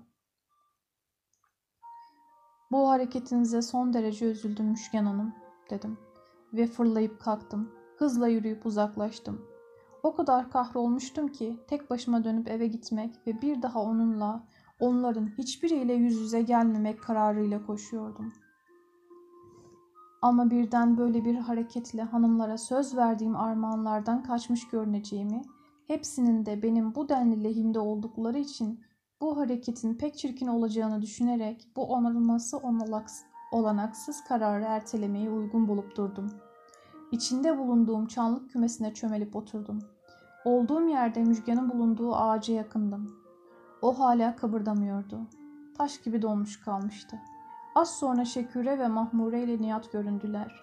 Şeküre onu yalnız görünce ''Ne o, Pertev Bey nerede?'' diye sordu. ''Bilmem, sanırım gitti.''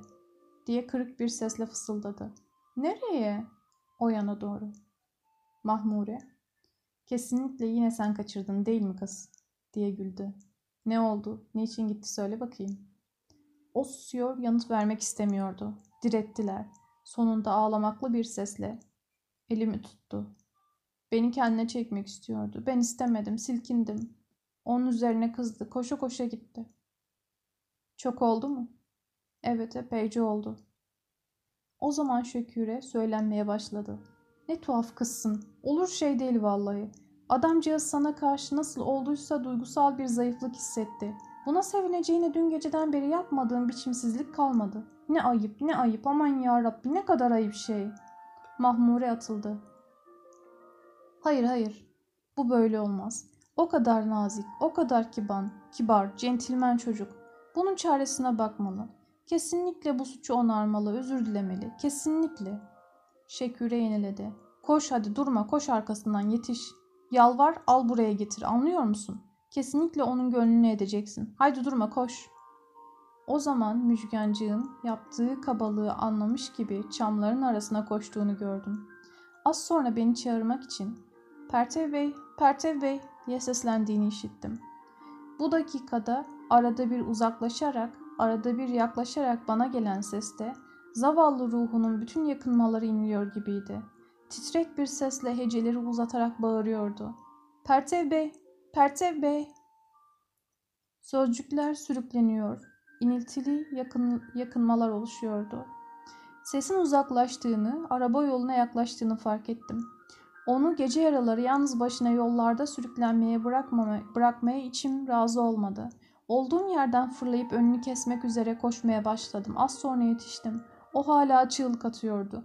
Pertev Bey, Pertev Bey. Bin yıl yaşasam gecenin sessizliği ve karanlığı içinde bu ıssız çamlıkta yankılanan bu çığlığı işiteceğime yemin ederim. Bu çığlık beni o denli sarsmış, o denli yumuşatmıştı ki. Beni görünce derin bir sevinç dalgasına boğuldu. Vay siz gitmediniz mi? dedi. Hayır deniz kıyısına inmiştim. Sonra sesinizi işittim. Geldim. Beni mi istiyorsunuz? dedim. Biraz duraladı. Bütün yorgunluğunun ve heyecanının tepkisi olacak. Birden elleriyle yüzünü kapayıp hıçkırdı. Atıldım. Ne oluyorsunuz? Niçin ağlıyorsunuz? Ne oldu? Kesik kesik. Hiç, hiç diyor ve her hecede hıçkırıklara boğuluyordu. Ah ben ne katil, ne canavar bir herifim. Bu yavruyu ikide bir türlü çirkin rahatsızlıklar vererek, iğrenç baskılarla ağlatıyor, bencil pis içgüdüme kurban ediyorum diye düşündüm.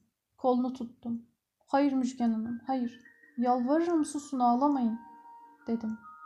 Şiddetli heyecanından olacak kolunu çekmedi. Yavaşça sokulup koluna girdim.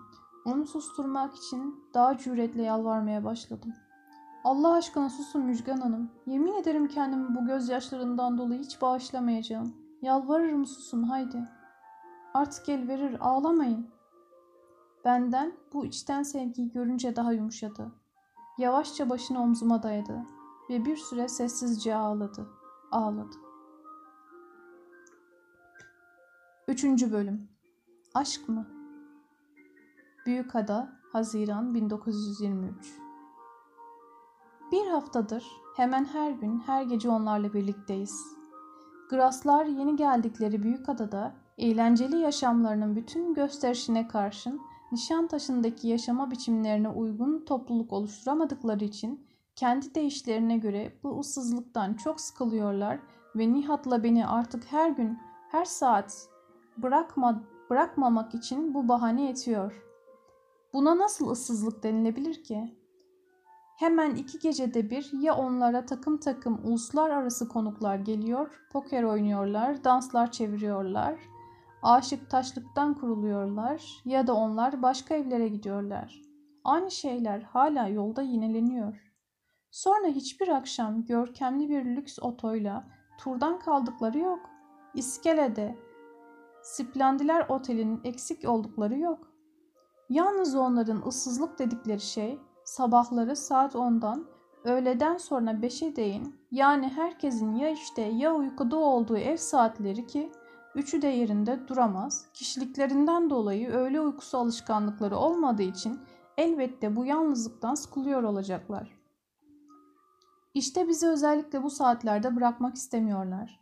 Nihat'ın da benim de başkaları gibi şehirde bağlı olduğumuz işlerimiz olmadığından başka, siyasetlerimizi de onlar için kolaylıkla gözden çıkaracak kadar özverili olduğumuz için turlarda, iskelede, splandilitte ayrılmıyoruz. Bu saatlerde onlara eşlik ederek onurlandırıyoruz.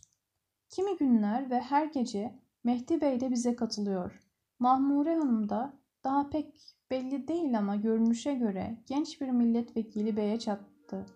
Onu kancalamak ya da daha doğru bir deyişle ona çengellenmek istediğinde görünüyordu. Yine bizim takım tamam gibi bir şey. İçlerinde en mutsuzu yine ben zavallı. Çünkü öteki hanımlara en ufak bir ilgi gösterme, hemen en sıcak bir yakınlaşmaya, en sıkı bir senli benliğe, daha bilmem ne gibi serbest ilişkiye yol açtığı halde ben benimkiyle bir adım ilerlemek değil, asker değişiyle yerinde saymak da değil, doğal ve zorunlu olarak sanki geri geri gidiyordum. Her talih bir olmaz ya, benimki her zaman olduğu gibi bu kez yine de ters. Örneğin hep birlikte oturup neşeli neşeli eğlenirken ötekiler bir yere gitmeye kalkıyorlar. Onlarla birlikte ben de gitsem, birkaç kez gittiysem de pişman oldum ya.'' Az ilerledikten sonra onlar çamlara dalıp da esen istek ve keyif rüzgarlarına bağlı olarak çifter çifter havalanıp sağa sola dağılınca Ben yapayalnız kalıyorum. İşte bunun için bir de belki biz köşkün çamlığından çıkıp gittikten sonra o da çekildiği köşeden çıkar da iki satır konuşmak olanaklı olur ya da belki iki bakış kapar, iki soluk çekerim umuduyla çamlıkta kitap okuyarak beklemeyi yeğliyordum. Yani ömrüm boş bir bekleyiş içinde, havadan sudan istekler peşinde geçip gidiyor. Onu nedenli çok tanısam, o denli bilmece gibi bir genç kız olduğunu hissediyorum. Dünyada başka kimseye benzemeyen bir yaratılış harikası işte bu. Örneğin dil gezmesi gecesi omzumda, hemen göğsümün üstünde, yeni konu koynumda, hala anlayamadığım bir irade zayıflığı, bir sinir bulalımı anında, bir ana kucağında gibi kendisine bütün bir teslim oluşla vererek, sıcak yaşlarla, o denli tatlı tatlı ağladıktan az sonra ben artık buzlar kırıldı, artık yakınlaşma başladı diye sevinirken öyle bir davranışına hedef oldum ki kahrolmak gibi bir şey. Hep birlikte dönüyorduk. Yayı olarak dönüşü yeğlemiş, yolun yarısına gelmiştik. Hanımlar onu sakin ve yumuşak başlı gördükleri için artık elde edilmiş ve böylece gez, geziye gelmiş düşünerek bana Beyoğlu'na ne gün gideceğimizi sordular. Ne zaman isterseniz diyerek başımı eğdim. Yarın olur mu? dediler. Baş üstüne nasıl isterseniz diye yanıt verdim. O zaman Şeküre onun da kendileri gibi coşkuyla heveslenmiş ve içinin açılmış olduğunu ya da olacağını sandığı için olacak daha önce aramızda kararlaştırdığımız Beyoğlu seferini ona da anlattı. Yalnız bunun niçin kararlaştırıldığını elbette gizli tuttu. Anlatırken işi daha çekici ve hoş göstermek için abartmalarla süslüyor ve ben hele onun ko- konumunda yani birçok genç kızlık isteklerine alamadığı şeyler bulması gereken bir genç hanım gibi bu Beyoğlu gezmesine istek ve özlem duyacağını düşünüyordum. Şeküre sözünü bitirince çabuk çabuk dedi ki yarın gider Pertev Bey'i soyar soğana çeviririz. Müşken bozuk bir tavırla nasıl ben de mi diye sordu. İki kız kardeş ikisi birden elbette sen de diye karşılık verdiler. O keskin soğuk bir baş hareketiyle beni bağışlayın diye kesti attı. Mahmure en coşkun bir şaşkınlıkla ve öfkeyle Niçin ha kız? Biz hepimiz minnetle koşa koşa gidiyoruz. Sen de sevinsene. Bu her zaman bulunur bir fırsat mı? Gideceğiz, eğleneceğiz, ge- gezeceğiz, istediğimiz şeyleri alacağız. Daha ne istersin? Sen de birlikte gezer eğlenirsin ve hoşuna giden bir şey almış olursun. Müjgan kuru kuru, ben hiçbir şey istemiyorum, dedi. Ve o öbür gün geldi. O kadar uğraştılar, o kadar yoruldular, onu kandıramadılar. Üçü de bu gezinin benim tarafımdan onun uğruna söz verildiğini düşünerek bana karşı onu da birlikte götürmek zorunda olduklarını sanıyor, onu kandırıp razı etmek için biri gidip biri geliyordu. Ama o sanki eğilmez bir taş, bükülmez bir demirdi. Ve o gelmeyince elbette bugün benim için bütün neşesini, bütün coşkusunu yitirdi. 11 vapuruyla gittik. Bir de Beyoğlu'nda büyük bir oteldeydik. Yemek neşeli oldu. Nigar, Şeküre ve Mahmure üçü de konuşkan, şen ve hoştular. Bütün şuurluk hazinelerini bol bol sergilediler, güldüler, cıvıldadılar, şakıdadılar. Ben de onların yanında şen görünmeye çalıştım. Yaşamımı dolduran iç kapayıcı bulutları gizledim.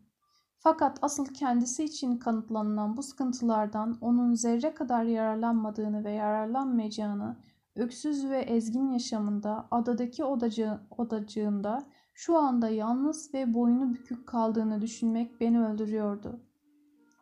O da gelse, o da gülse, o da olsa. Ah ne olurdu? O da birlikte olsaydı. Saat dörde yakın lokantadan çıktıktan sonra mağazaları dolaşmaya başladık. Beyoğlu'nun kadın eşyası satan bütün şık mağazalarında saatlerce süren gezintiler yaptık. Ben yine olasılık geri çevrileceğini bile bile onun için bir şey alınmasını ve bunu hanımların seçmesini istedim. Bana kalsa Beyoğlu mağazalarındaki bütün lüksü, bütün gösterişli şeyleri, bütün süsleri onun ayakları altına sererdim. Bunlar hep senindir prensesim. Bunlar hepsi senindir. Lütfen kabul et derdim. Oysa o en değerli, en az bulunur şeyleri bile kim bilir nasıl gururlu ve nasıl horlanmış olmaktan kaynaklanan bir küçümsemeyle geri çevirerek nasıl öfkeyle köpürürdü. Ah ya Rabbi, bu gönlü nasıl etkilemeli, bu gururu nasıl yumuşatmalıydı? Onun için bir el çantası seçtiler. Tam onun güzelliğine uygun, yuvarlak, güzel ve mini mini bir şeycik. Bunu görünce sevinse, gözlerinde bir gülümsemeyi, bu sevinci benim yarattığımı bilerek mutlu olsam, ah, onu mutlu etmek, onu güldürmek, ona yaşamın en yüce servetlerini, en değerli hazinelerini sunarak onu dünyanın en imrenilen, en talihli varlığı yapabilmek mutluluğu. Bunun için neler vermezdim. Bir gün sonra ona böğürtlen değil, kirpi demeliymişim. Herkese, her şeye, her söze karşı ilk duygusu kaçınma, yanlış değerlendirme ve güvensizlik. İlk harekete hep itiraz, ilk söze her zaman aynı sertlikle hayır. Ne kadar nefretle dolu bir kişilik. Kimi zaman kendi kendime acaba bütün ömrümde isteye isteye kaç kez peki ya da evet sözünü söylediğini merak ediyorum. Acaba bu sertlik asıl kişiliği mi yoksa olayların gidişiyle ortaya çıkan sonradan olma bir kişilik mi? Yani asıl ruhu kısır ve kuru mu yoksa sonradan ve dışa karşı mı bu hale gelmiş? Bu denli ince, bu denli duyarlı, bu denli güzel bir varlığın yaşamın siyasetinden bu olumsuz ve somurtkan yüzle geçmesi ne büyük kayıp. Bu nedenle ne umutlulukla harcanıp gidiyor. Bunu bilse. Asıl sevecenlik ve duygusallığın ondaki derecesi yalnız sevdiklerine karşı, daha doğrusu sevdiğine karşı kimsede bulunmaz sanırım. 3-4 gündür elinde bilmeden hangi hanımefendinin armağan ettiği bir küçük köpek ortaya çıktı. Daha yeni doğmuş. Köpek değil, bir yumak tüy. Hayran olunacak bir yavru. Bu köpeği tek bir dakika kucağından indirmiyor. Ona karşı benzersiz bir ilgi ve özen gösteriyor. Sanki köpek için can verecek dersiniz. Bütün yaşamı, bütün emeli. Köpek geldi geleli gezdirmek ve oynatmak için çıkardığı bahçede rastlıyoruz. Akşamüstü. Bugün iki satır konuştuk. Silki ne demek hanımefendi? Köpekle ilgili konularda istediğiniz kadar yumuşak. Ondan gülümseyerek acele yanıt almak istersiniz. Köpekten sezerim. İpek, ipek gibi, silk. İngilizce ipek demektir. Silki de ipek gibi, ipekli ya da ipeksi anlamına geliyor. Güzel at değil mi? Özellikle ona uygun bir at bu. Ne kadar çok seviyorsunuz. Sevilmeyecek şey mi bu? ve avucunun içindeki hayvanı omuzlarının hizasına dek kaldırarak gösterdi. Kara, kapkara, parlak ve ipek gibi yumuşak tüyleri gerçekten bir ipek yumağıydı. Bu karanlık üzerinde iki kara pırlanta göz şimşekleniyor. Kara bir kuru üzüm tanesine benzeyen mini mini bir burnu vardı. Hayvanın bütün duyarlılığı yalnız burnundaydı. Her an, her zerresinde küçük küçük hareketlerle titreyen bir burun ki sanki insanla konuşuyor denilecek kadar anlamlı. Sürdürdü. Sonra bana çok bağlı. Hem öyle bağlı ki. O sevgiyi bana gösterin. Bağlılığı bende görün. Gülümseyerek alaylı bir tavırla acaba dedi. Sonra daha da alaycı. Aslında siz ve sizin söyledikleriniz bilinen şeyler dedi. Sonra omuzlarını küçümseyen bir tavırla silkerek ama ne yazık ki ben insan bağlılığı istemiyorum. İnsanlardan hiç hoşlanmıyorum. Ayıp değil ya diye ekledi. Sayesinde Müşkan'ı ara sıra güler yüzle görmeye başladığım, sesini işitle, işitmekle mutlu olduğum için Silki'yi ben de seviyordum. Güzel, sadık yavru Silki ve mutlu Silki. Hem hem ne kadar şanslı, ne kadar. Silki'ye gösterdiği sıcak ilgi ve bağlılığı gördükçe sınırsız ve koşulsuz bütün ruhuyla, bütün iştenliğiyle bana teslim olduğunu görmek istediği en derin bir taşkınlık ve heyecanla varlığımı öldürüyor. Ömrümde istemeyerek hiç kimseye el uzatmamış, istekle hiçbir şeye bakmamışken bana bütün bedenini isteğiyle, iradesiyle ve ah ya Rabbim başım dönüyor. Aşkıyla, evet aşkıyla, aşkıyla teslim etmesi için ne yapmalı ya Rabbim? Bütün dünyada hiçbir yaratığa nasip olmamış ne tanrısal bir mutluluk. Bunun için ne gerekiyor? Ne gibi bir özveri? Nasıl bir şey? Bütün dünyayı onun huzurunda parmağının ya da sesinin tek bir hareketi için yıkmak, bütün evreni alt üst etmek, daha ne gibi şeyler, nasıl şeyler? Acaba bu özveriyle, bu kahramanlıkla mutluluk elde edilir mi? Bir kadın gülümsemesi için büyük savaşlar kazanıldığını, büyük buluşlar ortaya konulduğunu, olağanüstü kahramanlıklar yapıldığını şimdi anladım. Onu kazanmak, onun muradının ve inadının eridiğini görmek, üzerime alamayacağım olağanüstü iş, yüklenemeyeceğim yıkım, kabul edemeyeceğim işkence. Evet, hiç kuşkusuz her kadın gibi bir şey. Başkalarından hiçbir fark yok. Olasılıkla pek basit, pek yalın görünen bir beden. Fakat bu her kadının bedenine benzeyen beden benim için o denli olağanüstü. O denli, o denli ki bütün dünyayı onun tek bakışı için yerli bir etmeye razıyım. Benim için o denli olağanüstü, o denli olağanüstü. Ama o kendisi ve bu şeylere aldırışsız, yalnız silki için yaşıyor. Ve yalnız bu hayvana ruhunun nasıl adadığını görünce bu seçkin yaratığın yaşamda neşe ve sevinç bulsa, sevecenlik ve özveri görse ne eşsiz bir mutluluk vereceğini düşünmek beni deli ediyor. İşte ona bunu anlatmak, kendisini iyi anladığımı, en özverili bir sevecenlikle takdir ettiğimi gösterip kanıtlayıp olanaksızca karşılığını görmek için deli oluyorum. Bu nasıl olanaklı olacak? Söz dinlemez, söyleyene inanmaz. Artık bu hal onda bir inat katılığı almış. Dünyanın özverisinin önüne yığsan, ben istemiyorum diyecek ve kuşkusuz geri çevirecek. Sonra aşk mı? Bu hiç olanaklı mı? Gülümsemesini, bakışını esirgeyen bu yaratıktan. Peki ben onun aşkına dayanabilir miyim? Kesinlikle mutluluktan ölürüm. O yalnız benim tapınmamı kabul etsin. Ona eşlik etmeme razı olup bana izin versin. Sözlerimi sertlikle değil, incelikle, gülümsemeyle dinlesin. Benim için bu kadar yeterli. O kadar ki, hatta çoktur. Bu onun tarafından öyle bir incelik olur ki, başka bütün kadınlara kavuşmak bu zevki veremez. Akşamüstü. Sanki ben de silkiye tapmaya başladım. Hele onun ne kadar hakkı var. Bir kez güzel, hem de ne güzel, ne yumak güzel, ne can güzel bir yavru görseniz. Ama ben bunlardan çok onu aramızda bir bağ olduğu için seviyordum. Ondan dolayı bahçede saatlerce ah bir çıksa, biraz çıksa da görsem diye çırpınıyor, bekliyordum. Kimi zaman akşama değin görünmezdi. Odasında kitap okuduğunu söylerdi. Onu bahçede görmek pek seyrek tattığım bir mutluluktu. Şimdi köpeğe hava aldırmak, onu gezdirip eğlendirmek için hemen hep bahçede dolaşıyor. Günün hangi saatinde gelseniz onu çamlar altında silkiyle oyunda bulursunuz. Köpeğe karşı en sıcak analar gibi özverili ve özenli. Onun her istediğini yapıyor. Bugüne değin içinde tutulmuş, dışa vurulmamış sevecenliği, bütün güler yüzlülüğü birden silki dolayısıyla patlamış gibi. Bu durum onun içinde herkesin dikkatini çekmiş. Hatta seyrek gelen konuklar bile silki için türlü nitelikli iki anlama gelen sözler söylüyorlar. Dün akşam Mehdi Bey onun köpeğe duyduğu delice sevgisine baktı, baktı da demek bu kız da sevme yeteneği varmış diye şaşırdı.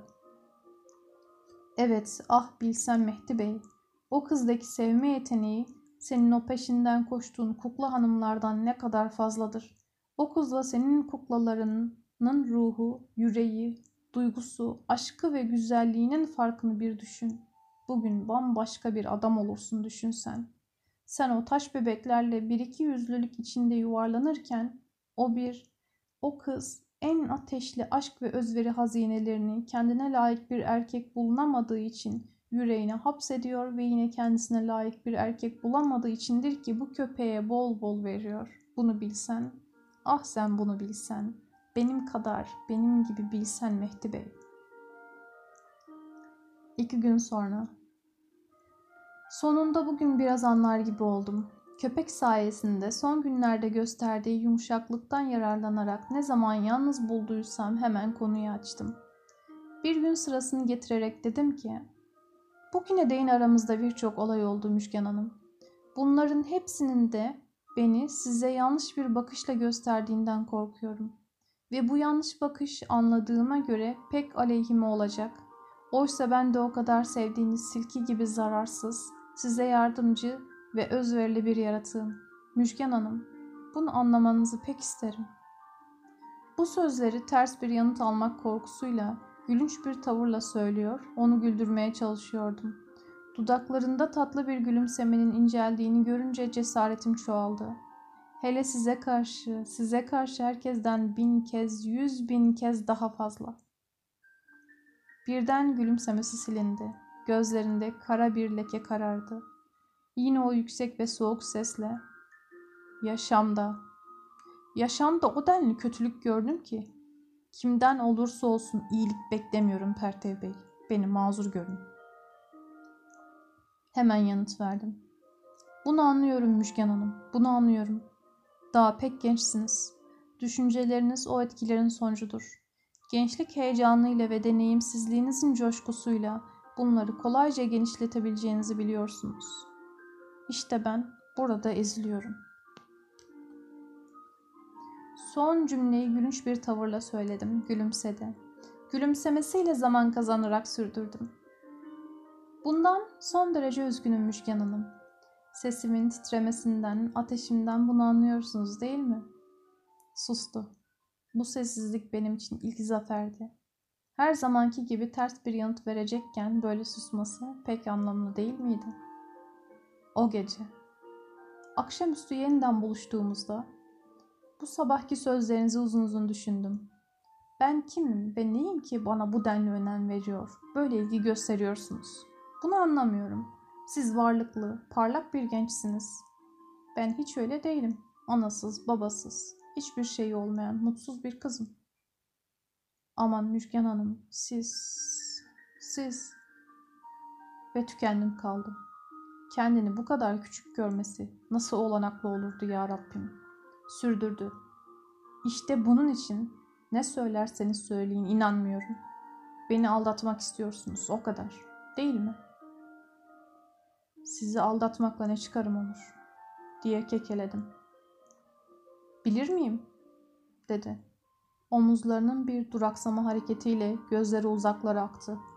Daldı kaldı. Erkekler kadınları her zaman ne için aldatırlarsa siz de beni onun için aldatırsınız. Bunu düşünecek kadar aklım yok mu? Beni o erkeklere benzetmeyin Müşken Hanım diye bağırdım. Niçin? diye başını kaldırdı. Benzemediğinizi nereden ve nasıl anlayabilirim? Hakkı da yok değildi ki. Öyle ya. Beni daha kaç kez görmüştü. Öbür gün. Bir Aralık yine birlikteyken kimse kimseyi anlamıyor, bilmiyor. Herkes her şey ve herkes hakkında kendi düşüncelerine, bilgilerine göre anlam veriyor. Ve siz ne yaparsanız yapın boşuna. Böyle bir kez hükmü giydiniz mi? Tıpkı adli mahkumlar gibi bunu uzun uzun çekmek, ödemek zorunda kalırsınız. Örneğin benim hakkımda hiç kimsede damla kadar doğru bir düşünce olmadığına inanıyorum. Ne yapsalar beni anlayamazlar. Bir kez onların hiçbirine benzemiyorum. Bütün dünya paraya tapıyor, gösterişe vurgun. Oysa ben paradan nefret ederim. Gösterişi hiç sevmem. Dünyada paranın yol açtığı yıkımları, acıklı olayları düşünün. Yaşamın en zararlı, en öldürücü ve en zehirli mikrobu değil mi?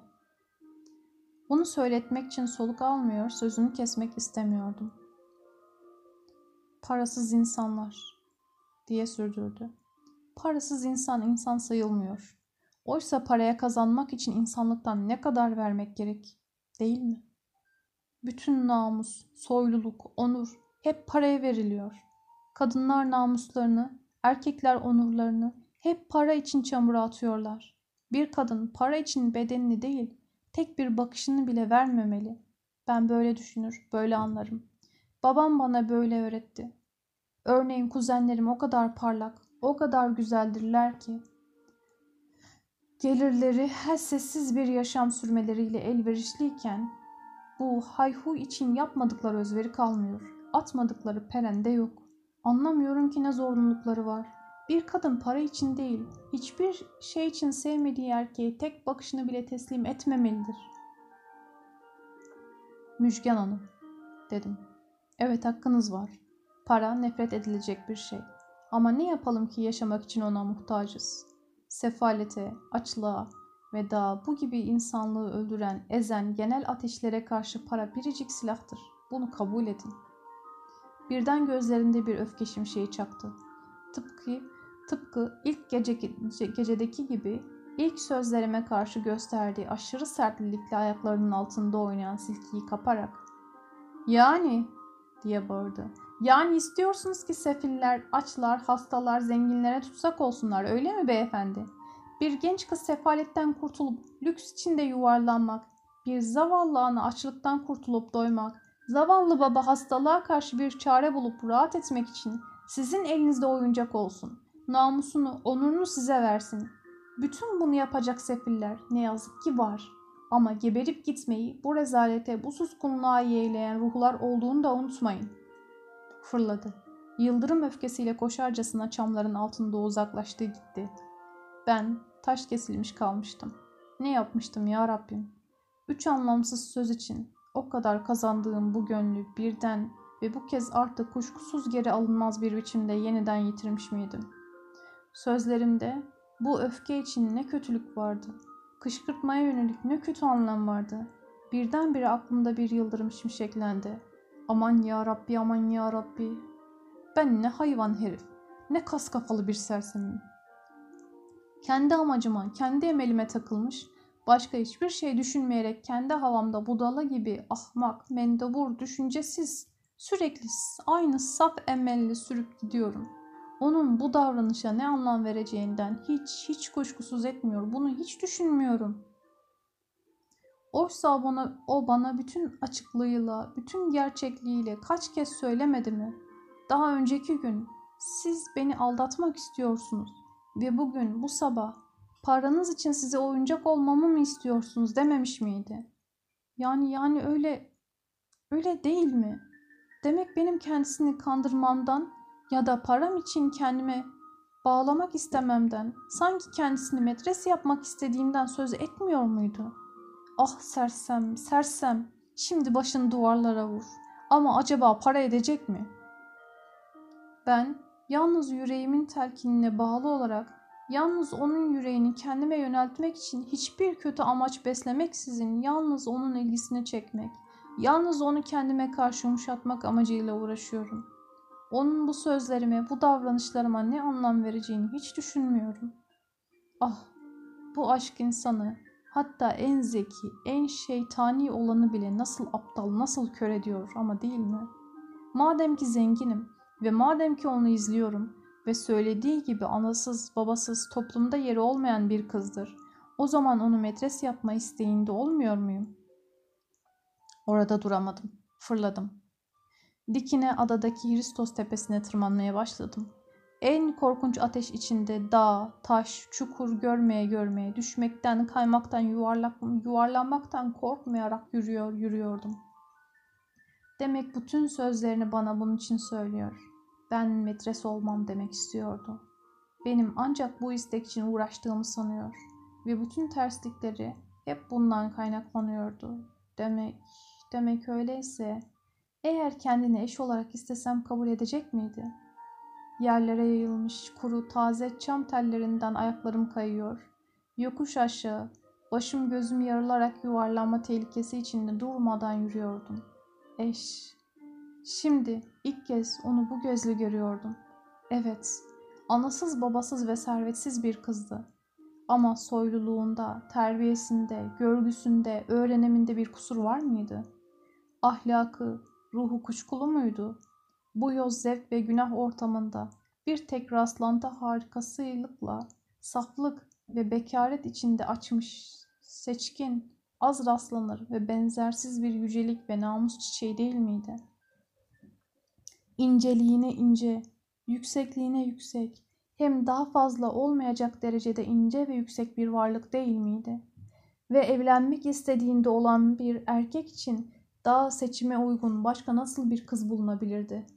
Bu çevrede bütün örnekler her biri kendileri gibi bin bir leke, bin bir yarayla lekelenmiş ve kirli şeyler her biri her gün bin bir kucakta, bin bir pislikle pisliklenmiş, soluk, çürük şeylerken o nasılsa bir rastlantıyla bu pislikten kendini kurtarmış, tam ciddiliği ve namusuyla eşliğe layık yüce bir varlık değil miydi? Hemen karar verdim. Ona evlenme önerisinde bulunacaktım. Şimdi bütün ruhum, nefis, müzik uyumuyla titriyordu. Bugüne dek niçin ve nasıl düşünmemiş, bu kararı neden daha önce vermemiştim? Şimdi bu önerim kendisine karşı nedenle ciddi olduğumu, ona bağlılığımın ne derece güçlü olduğunu ona kanıtlayacak ve o hiçbir şey olmasa bu nefret ettiği cendere yaşamından kurtulup düzenli, aşırılıklardan uzak ve rahat bir yaşama katılmak için elbette hemen önerimi kabul edecekti. Yani onca zamandır katılığına, inadına, böğürtlenliğine karşı lehimde yapılacak şey o kadar kolay, o kadar kolayken ben bunu düşünememiş ve çaresizlik içinde boşuna kıvranmıştım. Şimdi artık ciddiliğimi anlayacak, kendisine karşı çirkin ka- kasıtlarımın olmadığını görerek bütün genç kızlık şiirini, bütün hülya hazinelerini bana adayacaktı. O zaman önümde açılan ışıklı yaşamın geniş ufkunu kendimden geçmiş ve mutlu olarak düşünüyorum. Bu düşüncemi en önce elbette Nihat'a açtım. Önce inanamadı, alay etmek istedi. Ama düşüncelerimi dinleyip ciddi olduğumu görünce kolayca ikna oldu. Düşündük ve karar verdik. Bu akşam o köşke yalnız gidecek, grasları bir yana çekerek yoklama yapacaktı. Onlar elbette bu konuda bizden fazla yetki ve bilgi sahibi oldukları için aralarında verecekleri karara göre hareket edilecekti. Aman beni bekletme ha çabuk gel diyerek onu gönderdim. Ben iskelede gazinosunda onu beklemek üzere ayrıldım. Kız sevincinden deli olacak dedi Nihat. Ben de az çok böyle düşünüyor ve yavru yaratığı mutlu edeceğimi düşünerek derin bir mutluluk göğünde uçuyordum. Kendi kendime köşkte geçecek olasılıkları düşünüyor, kız, kar kız kardeşlerin Nihat'ta tartıştığı görülüyor. Haberi alır almaz puflayan Nigar'ı az çok kıskançlıkla sarsılarak Mahmure'yi ve ötekilere göre iyi yüreği dolayısıyla sevinip Muştu'yu hemen müjgana yetiştirmek için atılıp koşacak Şeküre'yi görüyordum. Ola ki bu gece, ola ki yarın köşkte bir aday sıfatıyla devama başlıyordum. O zaman yaşamının geleceği için hayaller, kararlar, düşünceler başlıyordu. Ama Nihat gecikiyordu. Birdenbire onu yolda karşılamak aklıma geldi. Kalktım. Nizam yoluna doğru yürüdüm. Köşkün sokağına dek gittiğim halde hala Nihat'tan bir haber, bir belirti yoktu. Sokaklarının köşesinde bekledim. Boşuna. Duramadım. Daha ilerledim. Kapılarına dek gittim. Ola ki konuk vardı da Nihat'ın işi onları açmasını engelleyecek durumlar çıkmıştı. Oysa bütün dünya bu gece benim mutluluğuma yardımcı olmamalı mıydı? Sonunda ateşli bekleyişten sonra karanlıkta çamların altında ayak sesli oldu. Oydu Nihat geliyordu. İlk sözü bırak canım sende oldu. Ben yine bir terslik çıktığını anlayarak yıkılmış ve şaşkın kaldım. Nihat kolumdan çekip beni yürüterek öfkeli öfkeli söylendi. Bu suratsız kızı nereden gördün? Sonra haydi gördün diyelim. Nasıl oldu da hiç kimse, hatta kendisi bile farkında olmadığı halde senin bu kadar gönlüne girdi? Anlamıyorum vallahi Pertev. Olanağı yok. Umudunu kes boşuna. Geri çeviriyor. Kabul etmiyor. Ben donmuş, taş kesilmiştim. Neden? Niçin? diyebildim. Nihat. Önce işi graslara açtım. Tahmin ettiğin gibi alaylı kıskanç kahkahaları oldu. Üçü de taşkınlığın son sınırındaydılar. Nigar pufluyor, Mahmure soluyor, Şeküre fıkır diyordu. Üçü de bu isteğin müjgan için her türlü beklentinin ötesinde bir talih ve mutluluk olduğunu kabul ve teslim ettiler. İmrenmeler, kıskançlıklar, takdirler, alkışlar uzadı. Mahmure, kız şimdi deli olacak aman birden söylemeyin alıştıralım öyle dedi. Önce onun ağzını yoklayıp alıştırmak için Şeküre gitti. Az sonra Mahmure de ona katıldı. Ben öbür köşede Mehdi ve Nigar'la hem konuşuyor hem de onların tavırlarından, hallerinden sonucu izliyordum. Aa hayret, kız kabul etmiyor. Başını sallayarak geri çeviriyordu. Neler söylediğini elbette bilmiyorsam da hareketlerinden, tavırlarından geri çevirdiğini iyice görüyordum. Kız kardeşler ısrar ve inat ettiler. Söylediler, söylediler, söylediler. O ters, suratsız bir şey söylemeden dinliyor, yüzünde bir öfke bulutu, gözleri garip, yalnızca başını sallıyordu. Sonunda iki kız kardeş bir yararı olmadığını anlayarak geldiler. Bana hep anlamlı bir bakışla bakarak acı acı gülümsüyorlardı. Neler söylüyor dedim. Şeküre, sersem ayağına denk gelen şahane bir nimeti tepiyor dedi. Mahmure açıkladı. Daha ne o beni tanıyor ne ben onu tanıyorum. Böyle tanımadan tanışmadan evlenmek istemiyorum ki. Beni rahat bırakın sizden ricam ancak bu olur diyor. Şeküre ekledi. Eğer burada size fazla geliyorsam beni büyük halama gönderir kurtulursunuz diyor. Hatta üstüme düşmeyin vallahi kaçar giderim diye tehdit bile ediyor. Bitik, yıkık, ezilmiş. Yani sorusunu düşündüm. Nihat koluma girip beni zorla yürüterek yani bırak şu suratsız kızı diye bağırdı. Zaten suç sende ki ona önem verip yüz verdin. Sen kim o kim? Senin karın olmak ne demek?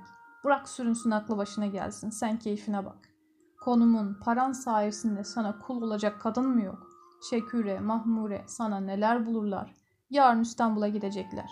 Çengelköy'de bilmem hangi paşanın torunları varmış. İkisi de birbirinden ince, iki genç hanım. Evlenmek de istese, evlenmek de istese olan aklıdır diyorlar. Onları alıp 5-10 gün içinde buraya adaya getirecekler. Hem de istediğinden iyi. Öyle müjgana benzememek koşuluyla enfes şeyler. Hayır hayır. Daha iyisi ben buradan gideceğim.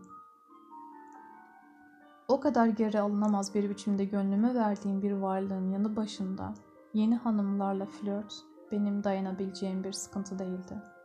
Ve ertesi gün erkenden büyük adaya veda edip 5-10 gün kadar belki daha fazla buradan uzaklaşmaya karar veriyordum. Nihat bağırıyor, tepiniyordu. Ee, vallahi sen delisin. Hem de zır deli. Dünyada bu kadar saçma insan görmedim. Bir kız için sen kalk bu kadar yaşamını kır berbat et.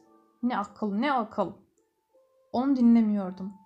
Aşkı bulmada bütün ilgisini yalnız benden alabilen bu adamla ilk hamlede yüreğinin en derin liflerine de kendinden geçerek teslim olma yaratılışındaki benim bu denli ince ve nazik bir noktada birleşemeyeceğimiz çok açıktı.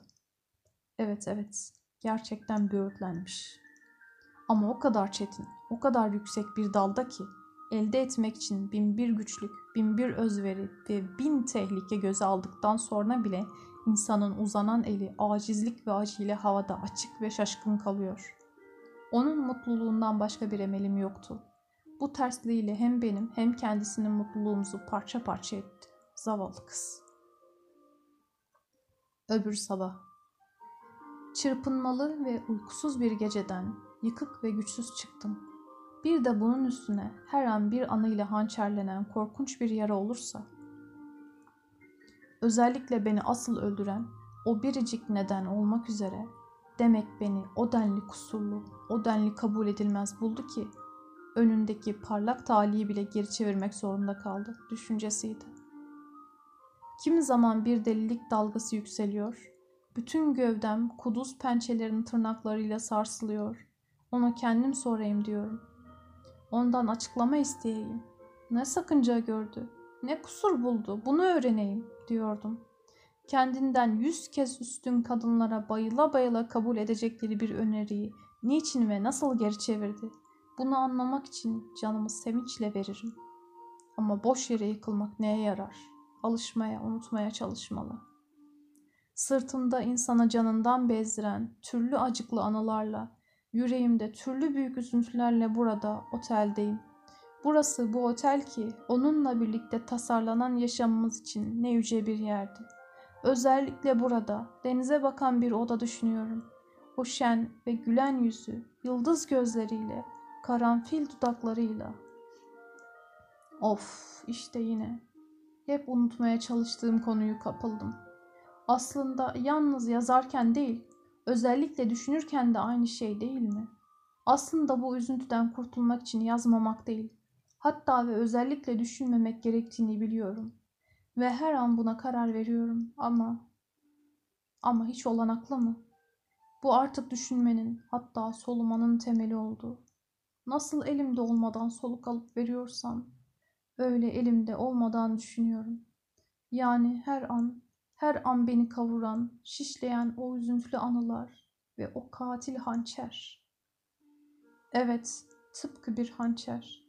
Bir hançer nasıl yırta yırta, nasıl zehirli elleriyle ite parçalaya, sertçe gövdeye girsin.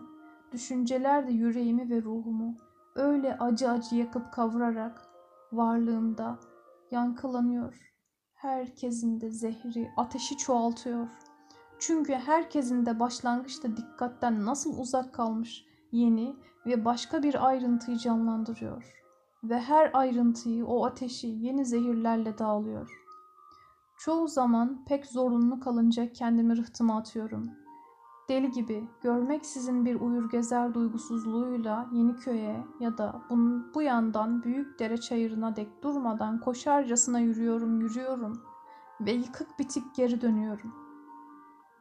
Gözüm dünyayı görmüyor. Otelde ilişki kurulması pek kolay kadınlar, sokakta insanı bir süre oyalayacak güzellikler yok değil. Ama bunun için heves, neşe ve istek olmalı. Yaşamla bağı koparmak. işte en büyük emelim. En birinci isteğim, hatta Nihat'a yalvardım. Beni bir süre için unut. Ne mektup ne haber istiyorum. Hiçbir şeye gerek yok. O yaşamı berbat edecek hiçbir iz kalmasın. Ben kendimi bulunca gücüme güvendiğimde kalkar kendim gelirim. Yoksa kışın Beyoğlu'nda buluşuruz dedim.'' Onun için buraya geldim geleli dört gündür onlardan hiçbir haber alamadım. Birkaç kez telefon başına gittim. Nihat'ı aramak, ondan bir haber almak istedim ama korktum ve çekildim. Burada bir insan değil, hayalet gibiyim. İnsan oldum. İnsan olmaya çalıştım da ne yararını gördüm. Üç gün sonra. Denizde boğulmak üzere debelenenlere özgü bir umutsuzlukla yeni bir denemeye girdim. Evet, yalnız deneme sözüyle tanımlanabilecek bir şey. Bir şey ki bir serüven gölgesi. V'nin iki kız kardeşiyle kız kardeşlerden birinin kocasından oluşan bir ailesi var. Erkek 45'lik, sakalsız, İngiliz ciddiyetiyle seçkin, son derece nazik, sanki tam anlamıyla bir beyefendi. Karısı ilk başta bir Alman denilecek sarışın, soluk, zayıf ve çelimsiz. Sanki yaşamıyor, solumuyor. Rüzgarlı ve hayali bir varlık. Bu hanımın bir küçük kız kardeşi var. Görülecek bir şey. Kendinden 10 yaş kadar büyük ve 30'luk yapılı bir kadın olan kardeşinin bedenine, hayal gibi varlığına 18-20 yaşın tazelik ve sıcaklığını ekleyin.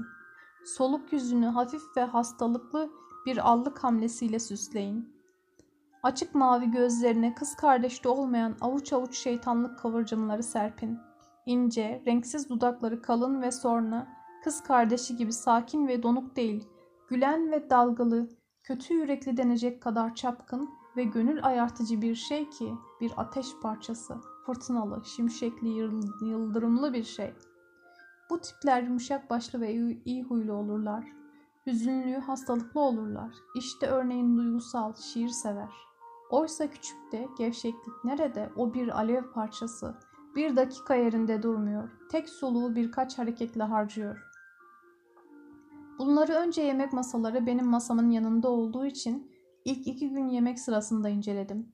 Büyük kız Nebile bir kuğu şahaneliğiyle ağır başlı ve rahat tavırlarıyla yemek yiyen, kocası Kemal Nedim sessiz, soğuk ama Süheyla akıntı burunlarında durmayıp seken, sıçrayıp çırpınıp dövünen yavru dalgalar gibi her organı bin bir hareketle bir bin, bin bir çırpıntıyla oynuyor, gözleri, çenesi durmayıp cıvıldayarak üç kişinin yapacağı hareketi tek başına yüz kez fazla yaparak dikkat çekiyor.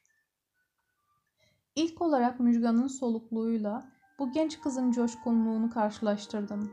Bu aşırı olumlamayla aşırı olumsuz arasındaki düşünce Beni buraya sürüp getiren üzüntüyü tedavi değilse bile beni şöyle biraz oyalamak için işte örneğin Süheyla ile yakınlık kurmak için önümde bir deneme olanağı değil miydi? Ama benim için Kadın zevki o denli müjganla özdeşleştirilmiş ki düşüncelerim bu özendirmesine gönlüm isyanla geri çevirdi ve başka şeylerle ilgilenmeye çalıştım. Oysa bu olanaklı mıydı? İnsan en çarpıntılı kaynaklardan taşıp kabarak, kabararak coşkunluk içinde akan bir çağlayanın yanı başında başka şeyle ilgilenir miydi? Gözler çağlayana nasıl kendiliğinden çekilirse ben de istemeyerek solumdaki masada köpüklenen istek, çırpınma ve tutku kasırgasıyla ilgileniyordum. Örneğin her an konu değiştirerek çevremdeki her şey ve herkes hakkında binbir soru soruyor, düşüncesini belirtiyor. Her soruda, her düşüncede binbir gülümseme ve kahkaha çiçekleniyor. Geveze kuşlar gibi durmayıp, dinlemeyip cıvıldıyordu. Kendi kendime ne eğlenceli bir kız, insanı hiç sıkmaz dedim. Ve Müjgan'ın tutukluğuna karşılık işte terslikten arınmış, şen ve hoş bir yaratık diye düşündüm.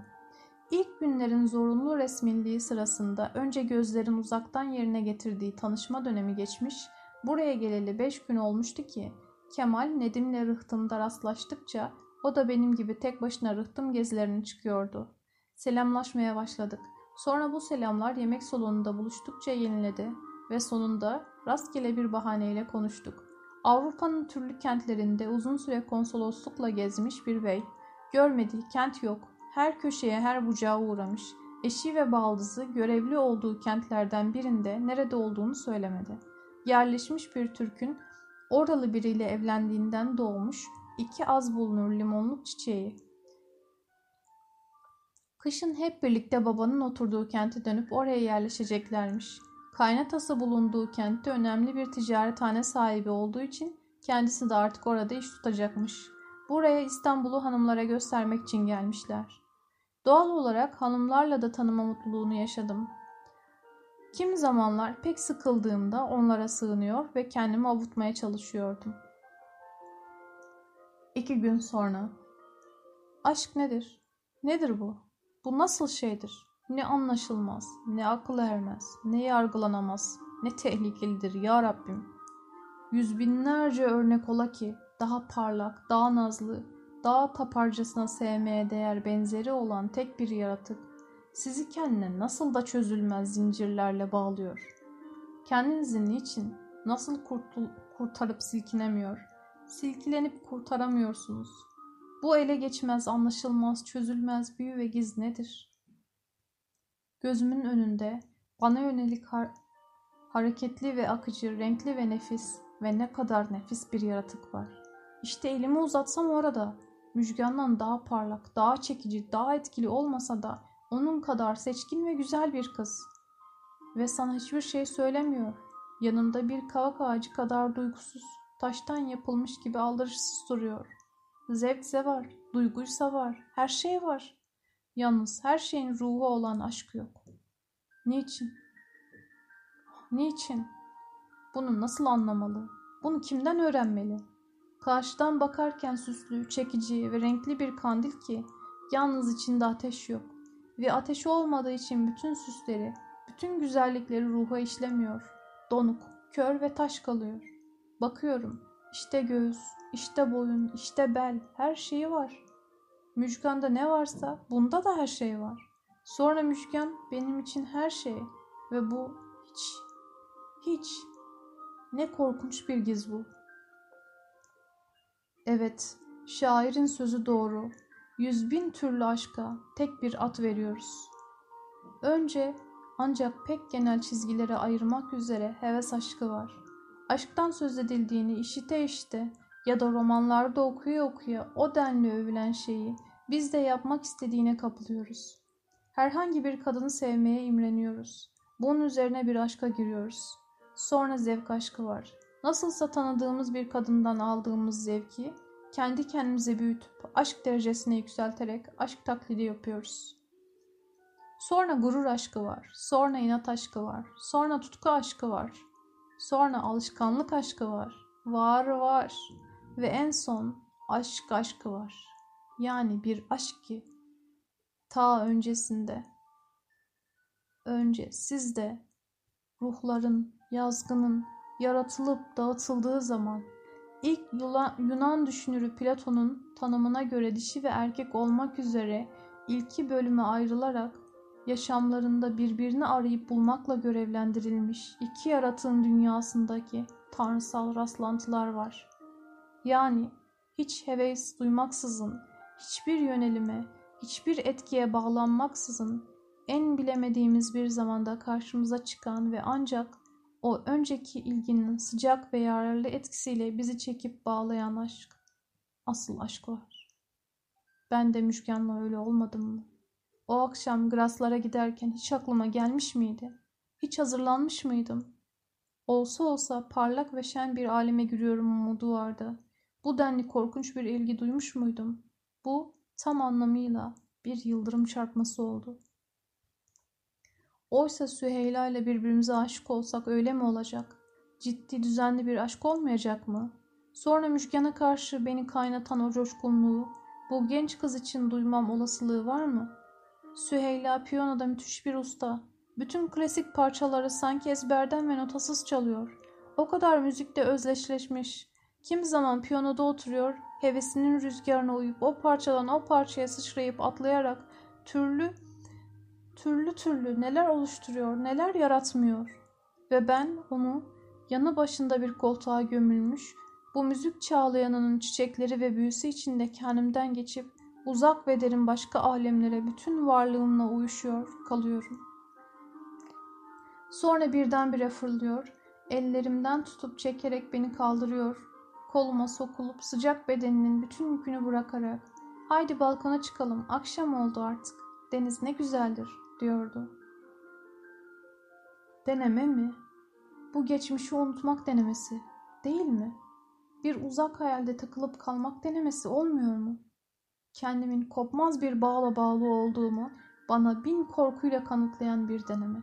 Başka bir kadının yanında, başka bir sesin müziğini dinlerken uzak ve hayali bir başka kadında korku içinde kalma denemesi. Yani bir umutsuzluk ve cinnet denemesi. O gece benliğimi tırnakları arasında parçalayan bu uğursuz düşkünlüğe karşı en derin bir isyan içinde korkunç bir karar verdim. Kendimi hiç olmazsa avutmak için ne yapıp yapıp Süheyla ile ilişkiye girme kararı aldım. Yüreğimi zorlayacağım, muradımı zorlayacağım, kendimi bu kızla oyalayıp bir aşk, hiç olmazsa bir bağ kurmaya çalışacağım. Hiç olmazsa bu işle oyalanırken acılarımı hafifletmiş, zaman geçirmiş olsam da bu ana denk, büyülü, çekiciliğine karşı da dolanımlı ve savunmalı bir benlik gösteriyorum. Şimdiden sonra ona eğilim ve yakınlık göstermeye çalışacağım. Hiçbir şey olmazsa birkaç gün oyalanmak da bir kazanç değil mi? İlk hareket olarak onunla bir otomobil gezintisi aklıma geldi. Bentlere de gidip gelmeyi önerdim. Hemen kabul etti. Ellerini çırparak hafif bir sıçrama hareketiyle ''Aman ne güzel düşünce. Durun ablama da haber vereyim. Başımı örteyim gelirim.'' Kanatlanmış gibi salon kapısına atıldı. Üç dakika sonra geldi. Başına yeşil ipekten bir sargı yapmış, kulaklarının çevresinde fışkıran saçları yanaklarının heyecanından hararetle kızarmış, büyülü bir uyum oluşturmuştu. Otelin merdivenlerinden inerken kendi kendime Şimdi Graslar beni görseler kim bilir neler düşünürler diye gülüyordum. Şu anda kendimi tanımıyorum. Benim bildiğim bir başka delikanlı geçmiş, benim anlayamadığım nedenlerle bilmediğim hareketlere koyulmuştu. Şimdi rıhtım üzerine sıçrayıp kayarak uçan otoda sendelemelerin etkisiyle birbirimize tutanarak oturuyoruz. Önümüzde kireç burnunun Karadeniz'e bakan geniş ve rengarenk kıyı çerçevesi içinde duru, Uzak ufka kadar serpilmiş, uzayıp akmış mavi deniz var. Uygun, şairce ve sevdalı sözlere başlamak ihtiyacı duyuyorum. Ancak bunu bulabildim. Ne hoş görüntü değil mi Süheyla Hanım dedim. Gözleri derin derin dalmış yalnızca. Hem de ne kadar hoş diye yanıt verdi. Beni tanıyorsunuz. Acaba ne düşünüyordu? Nasıl bir ruhu vardı?'' bendeki gizleri ve karanlığı görüp tahmin edebiliyor muydu? Nerede? Bunun değil böyle saf ve masum bir genç kız. Dünyanın binbir çemberinden atlamış hileci kadınlar için bile onun haksız olduğu kesin. O zaman insanlıktan, özellikle dürüstlükten, asıl asıl aşktan, O insanın bütün varlığını kolayca teslim ettiği aşk belasından korktum.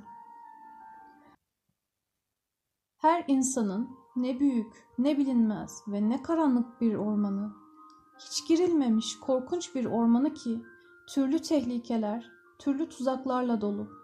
İçine girince ola ki bütünlüğüyle güzel görüntüler, hoş gölgeler, nefis kokularla mutlu olacağız. Ama daha da olasıdır ki ayaklarımızın altında gizli uçurumlar açılacak. Karşımıza zehirli yılanlar, katil kaplanlar, kan içici sırtlanlar çıkacak. Yani bütünüyle bilinmezlik, bütünüyle giz, bütünüyle tehlike. Her harekette başka bir önlem, her adımda başka bir sakınma gerek. Hele bütün varlıklarıyla zararlı olan kadınlarla ilişkilendirmenizde her zaman kuşku, her zaman yanlış anlama, sürekli olarak güvensizlik gerek. Oysa biz, erkek kadın, bütün yeni ilişkilerimizde yani bağlılıklarımızda ne coşkulu dökülü veren bir sıcaklık, ne hemen bayılı veren bir içtenlik gösteririz. Bu düşünceler kendi canavarlığımın düşünce yöntemleriyle ortaya çıkan şeylerdir. Ola ki zavallı kız şimdi yüreğinin en sıcak içtenliğiyle benim için kim bilir ne saf ve masum hülyalarla doluydu. Benden ne ilgi, gönül ilişkisi, ne çekicilikler umuyordu. Ah, insanlık, maymunluk ve sırtlanlık demek değil mi? Oto baş döndüren bir hızla geniş yolda uçarken genç kız her zamanki ihtiyaçlarla dolu tavrının tersine arkasına dayanmış, sessiz, mutlu, dinleniyor, gözleri süzülmüş, yanakları canlanmış, kendisini dinliyor ya da duyularından gelen etkileri topluyordu.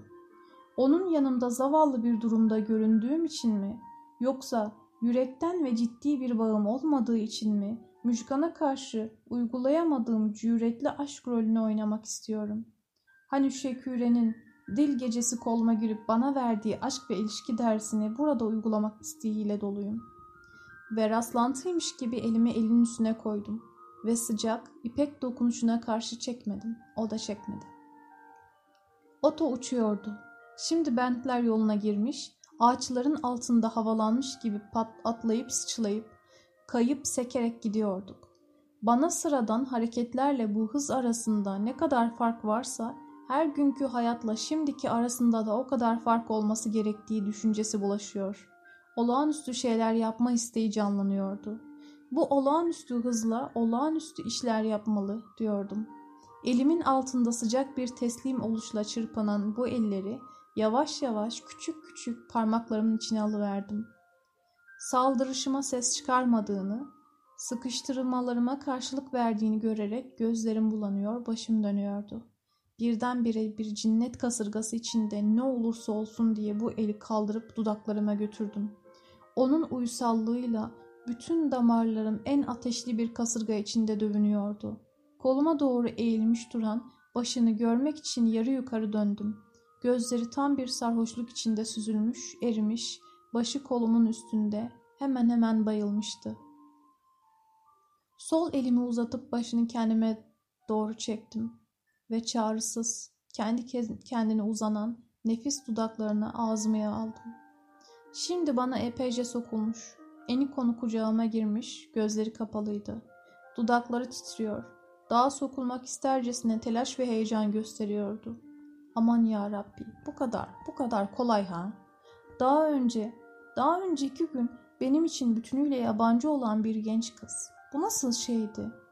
Ah Şeküre ile Nihat'ın ne kadar, ne kadar hakları vardı. Bir genç kız mı? Hangi genç kız?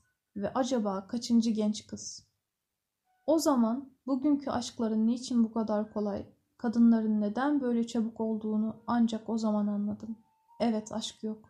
Bunlar, bu yapılanlar, oynananlar, gerçek, özgür, yürekten gelen bir aşk değil. Yalnız bir şefet oyunu. Yalnız kadının erkeğe, erkeğin kadına beslediği hayvansal bir eğilimin belirtisi ve gerçek aşklardaki heyecanlar, çırpınmalar olmadığı içindir ki ilk hareketler hemen böyle zafere dönülmeliyor. İşte ben, dün sevdiğim Müjgan'a karşı acemi ve sevdalı, bugün sevmediğim Süheyla'nın yanında usta ve başarılı bir aşık olmadım mı? İğrenç, İğrenç. Aşkın tanrısal coşkusunu, kendinden geçme halini böyle birdenbire ve hayvanca bir zevk ürperişiyle feda etmek cinayet. Ne bağışlanmaz bir cinayet. Bir genç kız ilk harekette hemen bayılıp teslim olur ve bu kadar kolaylaşırsa aşkın ne zevki, ne yüksekliği kalır ve bunun genel ev çiftleşmesinden ne farkı vardır? Ah benim büyük ve tanrısal ruhum, müjgancığım. Ola ki bugün dünyadaki bütün genç kızların en biriciği, tam ve bütün anlamının görkemiyle yüksek bir yaratılış, soylu bir kişilik, tanrısal bir varlık. Sen kendini ve aşkını yalnız yüreğinin zorlamasıyla verirsin. Yüreğinle ve vicdanınla yaşarsın. Senin ruhun yüksek. Benden ne korkunç bir öç aldı. Müjgan, ben seni unutmak istiyordum. İşte yüreğime daha egemen olarak yerleştin. Seni kutsuyorum. Sen bana dünyada tek ve eşsiz bir kadın örneği gösterdin. Temiz, masum. Hiçbir dokunuşun kibiriyle, kiriyle pislenmemiş, hiçbir hevesin dokunuşuyla kirlenmemiş bir genç kız örneği. Biraz önce yuvarlandığım zevk ve şevhet uçurumundan şimdi silkinerek kendimi kurtarmış, düşmanca bir soğuklukla Süheyla'ya bakıyorum. Kucaklaşma sırasında saçları dağılmış, başı bozulmuş, gövdesi bükülmüş kalmıştı. Onu karşı duyduğum şey yalnız soğukluk değildi. En sönmez bir kinle kaynıyordum. Yüreğimdeki en büyük tabuyu yıkmış, kadınlığı susturmuş ve aşkı kirletmişti. Bu cinayeti ölünceye kadar bağışlamayacaktım. Bir kadın tanrısal varlığını, değerini bilmeyince kadın değil, yalnız bir dişidir. Her dişi gibi aşağılanmış ve kirli bir yaratıktır. Otele dönünce odama kapandım. Şu satırları yazıyor ve artık bir daha ele geçirilemez bir şekilde hayır, ele geçirmeyi kendim de istemeyerek onun elinden çırpınmanın bile derin ve biricik zevk olduğunu anladığım yeniden Müjgan'ı düşünmeye başladım. Şimdi ne düşünüyorum? Acaba ondan ayrılmasaydım, onun gözünün önünde kalsaydım daha iyi yapmaz mıydım? Hele şimdi anımsıyorum ki o gece kendisi kız kardeşlerine daha ne o beni tanıyor ne ben onu demişti. Bunda hakkı yok muydu? Ona karşı bu derece hafif davranışın bir yıldırım darbesi olduğundan benim arayamayacağım birçok durum ve koşulu anlamak onun sakin ve etkisiz düşünce biçimi için haklı bir istek değil miydi? Kalsaydım, beni anlasa, beni tanısaydı acaba sever miydi? Toplam olarak ilk günden son saate kadar 23 günlük bir ilişki, bir ilişki ama ola ki başka yumuşak ve ateşli bir kadın için pek yeterli. Hatta bazı durumlarda fazla gelebilirken onun gibi kapalı, çekingen bir kişilik için daha başlangıç bile olamaz. Hele ki ilk günlerde bugün en sonunda ruhumun kimi eğiliminden haberli olduğum için ona göre korkunç kötü sonuçlar yaratacak hareketlerim ve sözlerim oldu. Örneğin ilk gece benim laf olsun diye söylediğim 4-5 cümleyi o kendisine metreslik önerisi gibi anlamış olacak. O soğuk tavırlarıyla uzak durması bundan dolayı olmalı. O benim düşüncemi ve kendisini izlememi kesinlikle böyle anladı. Kimsesiz, yoksuz bir kız. Parlak ve güzel de. Elbette kendisine birkaç övgü çakarsam ve zengin olduğumu anlarsa kollarımın arasına atılacaktır diyorum sandı. Oysa o daha önce anladığım gibi bu konularda büyük bir tutuculukla donanmış olduğu için böyle bir hareketin kendisini nasıl deli etmezdi? Yaşamdan gördüğü saldırı onda köklü bir yanlış anlama güvensizlik yaratmıştı. Bunu ben o zaman nasıl bilebilirdim? Ondan sonra bütün hareketlerimi bu düşünceyle anlıyor olacak ki özellikle bana karşı herkesten çok sertlik göstermeyi sürdürmüştü. Bütün sözlerini düşünüyorum. Hepsinde de bana karşı bu yargıyla Hepsinde de bana karşı bu yargıyla açıklanacak bir düşmanlık belirtisi fark ediyorum. Peki, peki. Bunlar hep haklı, bunlar hep doğru diyelim. En son evlenme önerimde acaba nasıl bir kötü niyet gördü de geri çevirdi? İşte bunu anlamak olanaksız. İşte bunun için ölüyorum. Bunun için kahroluyorum. Ötekilerin hepsine bir anlam bulmak, bir neden sağlamak olanaklı. Ve neden bulup açıklayınca insana az çok avuntu geliyor. Beni kahredip yıkan şey benim yasal evlenme önerimi nasıl ve niçin geri çevirdi? Acaba benim düşündüğüm gibi daha birbirimizi yeterli derecede tanımıyor muyuz? O halde O halde orada oturup onu kendimi tanıtmak, daha ısındırmak varken kalkıp buralara gelmek anlamsız ve gereksiz bir özveri mi oldu? Al şimdi bir derin üzüntü daha. Bunu nasıl anlamalı, nasıl çözmeli? Öbür sabah. Nasıl olacak? Onların aracılığıyla. Ben ilk etkisinin taşkınlığı içinde insanı hep yanlış yollara, sakat hareketlere yönelten bu lanet olası gurur ve onur isyanıyla hiçbir ince noktayı düşünemedim. Fırladım. Bağıracaktım, buralara düştüm. Oysa soğukkanlı düşünmek, söylenmiş sözleri uzun uzun tartmak, biçmek ve bunların gerçek anlamlarını göz önünde tutup ona göre bir davranış biçimi seçmek elbette daha akla uygun olurdu. O halde yine başarı sayılmasa bile kızın amacı muradı olur olmazsa bu denli yıkılmaz bitmezdim. Ah sersem, sersem, her zaman sersem. Sonra ya, ya oradan hiçbir haber almak istememe kararı, bu gülünç, bu gülünç büyüklük iddiası. Oysa ki sadra şifa verecek bir olay olmuştur. Ola ki beni avutacak bir söz söylenmiştir. Hemen telefona koştum. Nihat'ın otelini aradım. Saat 11. Ya otelde ya da onların yanındadır. Nihat otelde değil. Evet köşkte telefon var ama ya numarası? Tamam bende kaydı vardı ama hangi defterde? Odaya koşuyorum. Defterleri araştırıyorum. Yok yok hayır yok. Bütün giysilerimin ceplerini boşaltıyorum. Sonunda derin bir kaygı içinde elime geçen küçük defterde numarayı buluyorum. Yeniden telefona, köşk. Oh yanıt alıyorum. Acaba sesimi tanıyacaklar mı? Çoğu zaman telefona en önce o koşardı. Acaba yine o mu gelecek? Ah nasıl titriyorum. Telefon açılıyor. Billur bir ses. Alo diyor. Ah o. Vallahi o. Nasıl söyleyeceğim? Titreye titreye nasıl konuşacağım? O kadar heyecanlıyım ki sesim değişik çıkıyor ve tanınmış etkisini yaratmıyor. Nihat Bey bahçede, hanımlarla birlikte efendim. Çağırayım mı? diyor. Bekliyorum. Ah, mutlu Nihat. Ben burada, günlerden beri cehennem acılarıyla kıvranırken o hala eskisi gibi onların arasında gece gündüz her saat onlarla birlikte değil mi? Telefonda hareket. Alo. Nihat. Benim. Diyorum. Vay Pertev sen misin? Nasılsın ne haldesin? Ve sorularını geçiştiriyor ben soruyorum. Oradan ne haber var? Ne haber istersin? diye yanıt veriyor. Eğer orada, orada kimse yoksa söyleyeceğim, işitilmeyecekse bana bilgi vermeni istiyorum. Önce, diyor. Öneri gecesinden sonra senin habersiz birdenbire yetişin onun dikkatini çok çekti. Hatta Pertev Bey acaba niçin gelmiyor diye onlara sormuş. Onlar da ters, öfke dolu yanıtlar vermişler. Bana söylediklerine göre sanki hareketlerinden pişman olmuş denilecek bir ezginlik bile görmüşler. Sen birdenbire ortadan çekilince geri çevirdiği mutluluğun değerini anladığına hiç kuşku yok. Hanımlar seni çok merak ettiler. Her gün bana soruyorlar. Pertev Bey nerelerde? Bir gün baskın yapalım diyorlar. Ben de senin uyarını tutarak bilemiyorum diye geçiştiriyorum. Yoksa bir gün takımla başına çökeceklerdi. E ne haldesin, nasılsın? Anlatması uzun sürer diye yanıt veriyorum. Seni ner nerede görebilirim? Bana buraya gelebilir misin?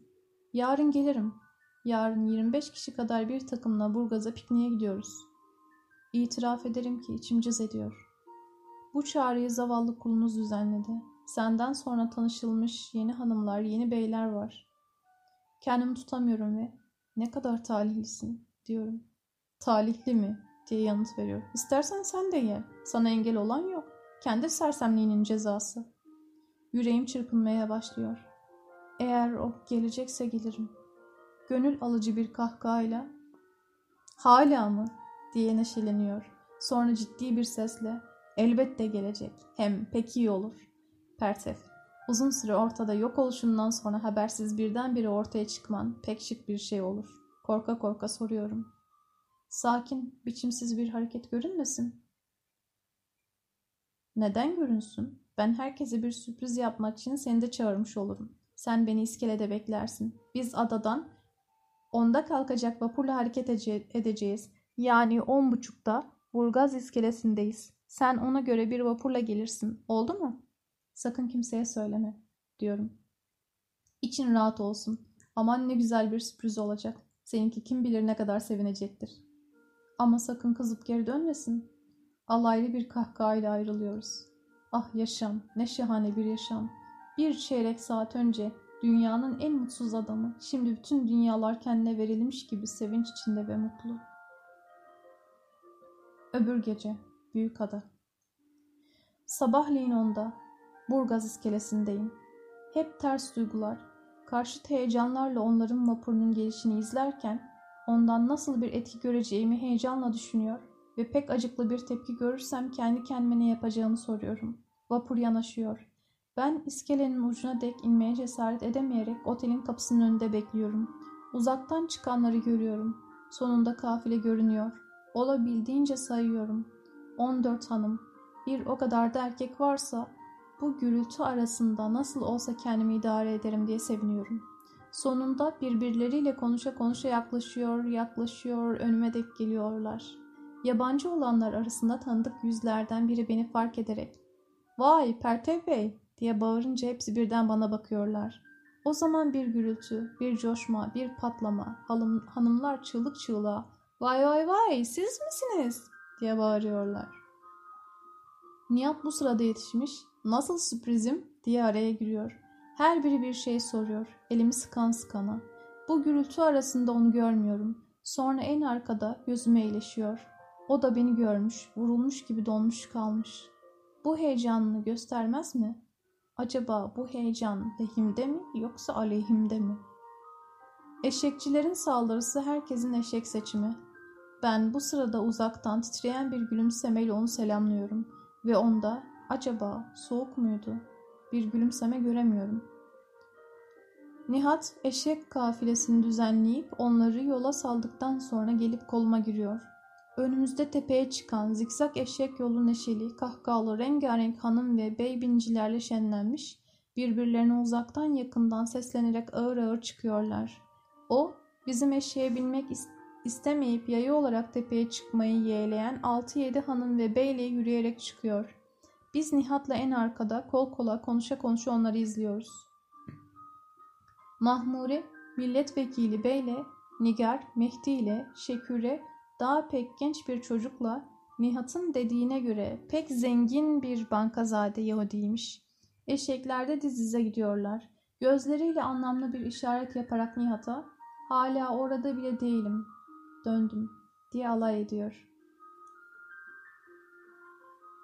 Diz dize bir düzenle tepeye çıkanlar şemsiyesini omzuna vurmuş, eşeğin uyumuyla aynı tempoda bir hareketle çevreyi izleyen yetingen ve filozof tekler birbirlerini izliyor. Arada neşeli kahkahalar çınlıyor. Nükteli sözler savruluyor. Herkes neşe dolu. Herkes bir hayhu içinde. O ince bedeninin bezgin uyumuyla 3-4 metre önde gidiyor ve herkesten ayrı çamların altında yalnız başına gidiyormuş gibi bir tek ıssız yürüyor. Acaba ne düşünüyor? Acaba niçin öyle mahzun gidiyor? Ah ne olurdu önerimi kabul etseydi de şimdi biz de kafilenin çiftleri arasında olsaydık. Bu çiftlerin en mutlusu olsaydık. Çamlar sıkışıp gölgeler koyulaşarak ortada dolaşan belirgin kokular ruhumuzu bütün güzellikleriyle yayıldıkça onları bilmem ama kendi hesabıma derin ve benzersiz bir müzikle sarhoş kendimden geçiyorum. O beni görünce kızarmış ve gülümsemişti. Hatta gülümsememişti. Belli belirsiz bir ifade vardı yüzünde. Şimdi önümde yürüyor ve bu soluduğum havada onun ciğerlerinden geçerek Tanrısallaşmış nefis damlalar var. Başka ne gerek? Sonunda tepeye varıyoruz. Buranın övgüsünü işitmiş ama görmemiştim. Dünyanın en el değmemiş, en taze, en eşsiz, en güzel noktası bu tepedir diyebilirim. Sıcak öğlenin bütün sessizliği çevreye yayılmış, üç yandan Marmara'nın üç ufku dumanlarla kaplı, gökte tek tük sisler yırtılmış, çalınmış. Kahveci bu gürültüyü işitince sevinçle sekerek hasırlı sandalyeler masalar hazırlıyor. Sabahleyin daha erken gelmiş yemekler bir yanda, uzun bir masada kendilerini yiyecek olanları bekliyor. Herkes birbirine takılarak bin cilve, bin şakayla söyleşirken ben ona yaklaşıyorum. O zamana dek görmemiştim.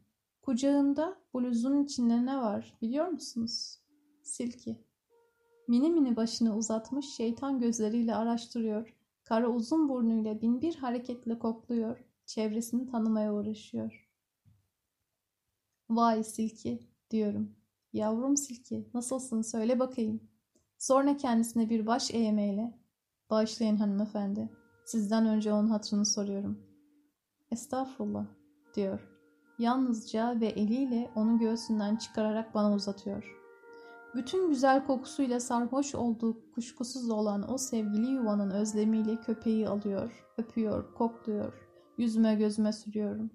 O benim gösterdiğim bu ilgiden pek sevinçli. O kadar ki kendisi için bu kadar olmaz diyebilirim. Epeyce büyümüş. Ah mini mini silki. Benim senin ne kadar ne kadar göreceğim geldi bilsen diyor. Bu sözlere onun içinde bin bir yön, bin bir anlam katmaya çalışıyorum. O sırada yemek masasına saldırı oluyor. Uzaktan sesleniyorlar. Masaya, masaya. İlerliyoruz. Ben bilerek ondan uzak bir yere ilişiyorum. Yemek yediğimiz sürece o da ben de sessiz kalıyoruz. Bana Graslar sorular soruyorlar. Nerede olduğumu, yokluğumda günlerimi nasıl geçirdiğimi merak eder görünüyorlar. Ama bu kalabalık arasında konuşma karma karışık, parakende ve birbirinden kopuk sürüyor. Bir düzeni koruyamıyor. Oturduğum yer deniz yönündeki köşeye rastladığı için tepenin iç kısmını ve bütün sofrayı herkesten iyi görüyorum. Müjgan silkiyi kucağında oturtuyor. Onu ara sıra lokmalar yediriyor. Bilmem nasıl oluyor. Bir aralık köpeği göğsünden yere bırakıyor. Köpek masanın çevresinde küçük hamlelerle sıçrayarak dolaşıyor. Biraz sonra onu konuşma arasında birden uzaklaşmış, kahvecinin kendisi gibi yavru köpeğine yaklaşmış onunla oynar görüyorum. Sonra korkunç bir an. Kahve binasının arkasından korkunç bir köpek ortaya çıkıyor. Yavruların anası mı yoksa yabancı bir köpek mi? Silkiyi görünce korkunç bir homurtuyla saldırıyor. Silkiye atılıyor. Eyvah silki gitti. Şimdi parça parça olacak. Benimle birlikte bu acıklı olayı birkaç kişi vah o da görüyor. Gözlerinde bir acı çığlık. Sıçramak istiyor ama ben ondan önce fırlayıp uçuyorum ve başına gelecekten habersiz olarak oraya sıçrayan silkiye köpekten önce yetişerek kapıyorum. Ama iri haydut köpek korkunç saldırıdan kendini alamayarak omuzlarıma sıçrıyor. Sağ kolumun pazısında bir acı duyuyorum. Ancak silki kurtuluyor. Oh oh kurtuluyor. Sonra çevremi alıyorlar. Hanımlar beyler delim bir heyecan içinde silkiyi elimden almak istiyorlar. Ben vermiyorum. Sağ olarak kendisine teslim etmek için onu arıyorum. Sonunda aralıkta sapsarı onu görüyorum. Kepeği uzatıp teslim ediyorum. Hayır, hayır bir şey yok diye bağıranlar var. Nihat soruyor. Sende bir şey var mı diyor. Ceketimin diş geçen yanı biraz yırtıldığından beni soruyorlar. Hanımlar telaşta. Herkesle bir, herkesten bir ses çıkıyor. Kimi belki de kuduzdur diyor. Kimi eczaneye eczaneye götürmeli diyor. Kimi de yavru kesinlikle parça parça olacaktı. Ne atılış diyor. Sonunda çağrıların arasında bulunan bir doktor kolumu muayene edip pansuman gerektiğini söylüyor. Nihat, ben ve doktor iskeleye inmek için yola düzülüyoruz. Yemek bozulmuş, ben ısırılmışım. Herkeste neşesizlik, herkeste heyecan, herkeste telaş. Yalnız yalnız ben mutluyum. Hem de ömrümde hiç olmadığım, hiç kimsenin hiçbir fırsatta olmadığı kadar tanrısal bir duyguyla mutluyum. Silki'yi ölümden, onu üzüntüden kurtardım. Ah, ben olsaydım ya da görmeseydim. Silki şu anda kan içinde kalacak. Kuşkusuz yok olacaktı. Onun için bu ne derin bir üzüntü veya solurdu. Ruhum bu mutluluğun ahengiyle ürpererek iskeledeki eczanede yaramın sarılmasına, öbür ayrıntılara kayıtsız kalıyorum. Doktor dinlenmemi salık veriyor. Nihat benden büyük adaya gidip onların dönmesini dingenlik içinde beklememi istiyor. Ben yine büyük adaya mı? Ama irademe gevşeklik gelmiş, mutluluğundan yumuşamışım. Karşı çıkamıyorum, düşünemiyorum. Beni bir sandala bindiriyorlar. Nihat birlikte gelmek istiyor ama ben ısrarla yalnız gideceğimi söyleyerek denize açılıyorum. Sandala benzersiz bir mutluluk sarhoşluğu içinde uyuşarak dalıyorum. Mutluluğum o denli sonsuz ki başka bir şey düşünemiyorum. Kendimden geçmiş bir halde sevinç içinde akşama kadar otelde Nihat'ı bekliyorum. Erken dönüyorlar. Graslar, Mehdi ve milletvekili beyler ve o birlikte. Ailece beni görmeye geliyorlar. Bu işten ziyaret sırasında bütün istediğim onun gözlerini görmek, onlardaki anlamı okumak. Her ne kadar derin bir coşkunlukla teşekkür ediyorsa da beklediğim açıklığı bulamıyorum ve yeniden çöküntü başlıyor. Nihat, Burgaz Belediye Çavuşu'nun köpeği gözlem altında almayı isteyeceğini söylüyor. Ama ben bütün bunlara ilgisizim. Yalnız acaba bu olay onun aleyhimdeki duygularını damla kadar olsun etkileyecek mi? İşte şimdi beni ilgilendiren tek nokta. Beni yalnız bırakarak hep birden çıkıyorlar. İşte yine yalnız, yine mutsuzum. Akşamüstü epeyce geç bir saatte Nihat'ın ısrarıyla bizim köşke hiç uğramayıp otelde Nihat'ın terasında uzanmış uyumuş bir haldeyim. Arkamda bir hareket hissediyorum. Başımı çeviriyorum. Aman ya Rabbi o! Yalnız kendi başına o. Çok heyecanlı görünüyor. Rengi soluk, dudakları kuru. Yanımdaki koltuğa ilişip heyecanı her sözde yükselterek titreye titreye İstediğim gibi teşekkür etmek için yalnız olmamızı istedim. Bugün silki için yaptığınız özveriden dolayı size ölünceye dek minnettar olacağım Pertev Bey, diyor. Ben bir iki anlamsız söz mırıldanarak Hatta bir iki anlamsız söz mırıldanmak üzereyken birden gözlerine yaşlar saldırıyor. Ben sizi hiç anlamadım. Ne kötü davranışlarda bulundum. Düşünüyorum da kendimi size nasıl başlatacağım. Acaba olanaklı mı? diye sızlanıyor. Uzanan ellerini ellerimin içine alıyorum. Ben de titreyerek ve gözlerim yaşlı. Siz bağışlanacak bir şey yapmadınız Müşken Hanım diyorum. Bütün yaptıklarınız sizi bana daha değerli tanıttığı için ben daha sevinçliyim. Bağışlatmak için değil, mutlu etmek ve mutlu olmak için eşim olmayı kabul etseydiniz, silkiniyor. Ben, o büyük mutluluğu hiç hak etmiyorum, diye mırıldanıyor. Sizi sizden daha iyi anladım Müşken Hanım. Siz değil, asıl ben sizin yüksek ve temiz ruhunuzu hak etmiyorum. Ve yalvarıyorum, beni geri çevirmeyin Müşken Hanım, geri çevirmeyin. Sizsiz yaşayamayacağım. Yumuşadığını, kabul edeceğini görerek daha ateşlice. Kabul ediyorsunuz eşim olmayı, kabul ediyorsunuz değil mi diyorum. Eli ellerimde, dizi dizimin yanında, başını acındırıcı bir şekilde eğerek.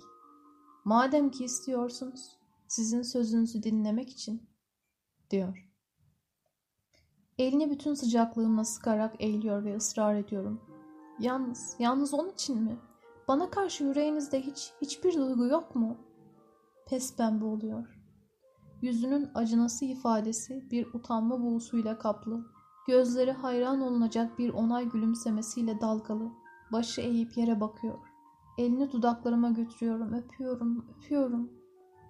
Gece yemekten sonra aramızda verdiğimiz karara uygun olarak rahatsızlığımı unutup biraz geç vakitte köşklerine gidiyorum.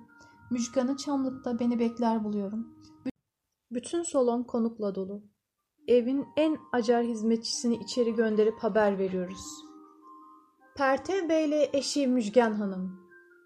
Şaşkınlık çığlıkları ve kahkahalar çınlıyor. Biz el ele içeri giriyoruz. Şiddetli alkışlar. Herkes bize doğru geliyor. Kutlamalar ve mutluluk. Evet, gerçi pek çetin bir böğürtlendi. Bin güçlükle elde ettim. Ama bir kez ele geçince o denli yumuşak huylu, o denli sabırlı ve söz dinler, o denli hayranlık uyandıran bir eş oldu ki. Evet, mutluluk. Bitmez, tükenmez mutluluk.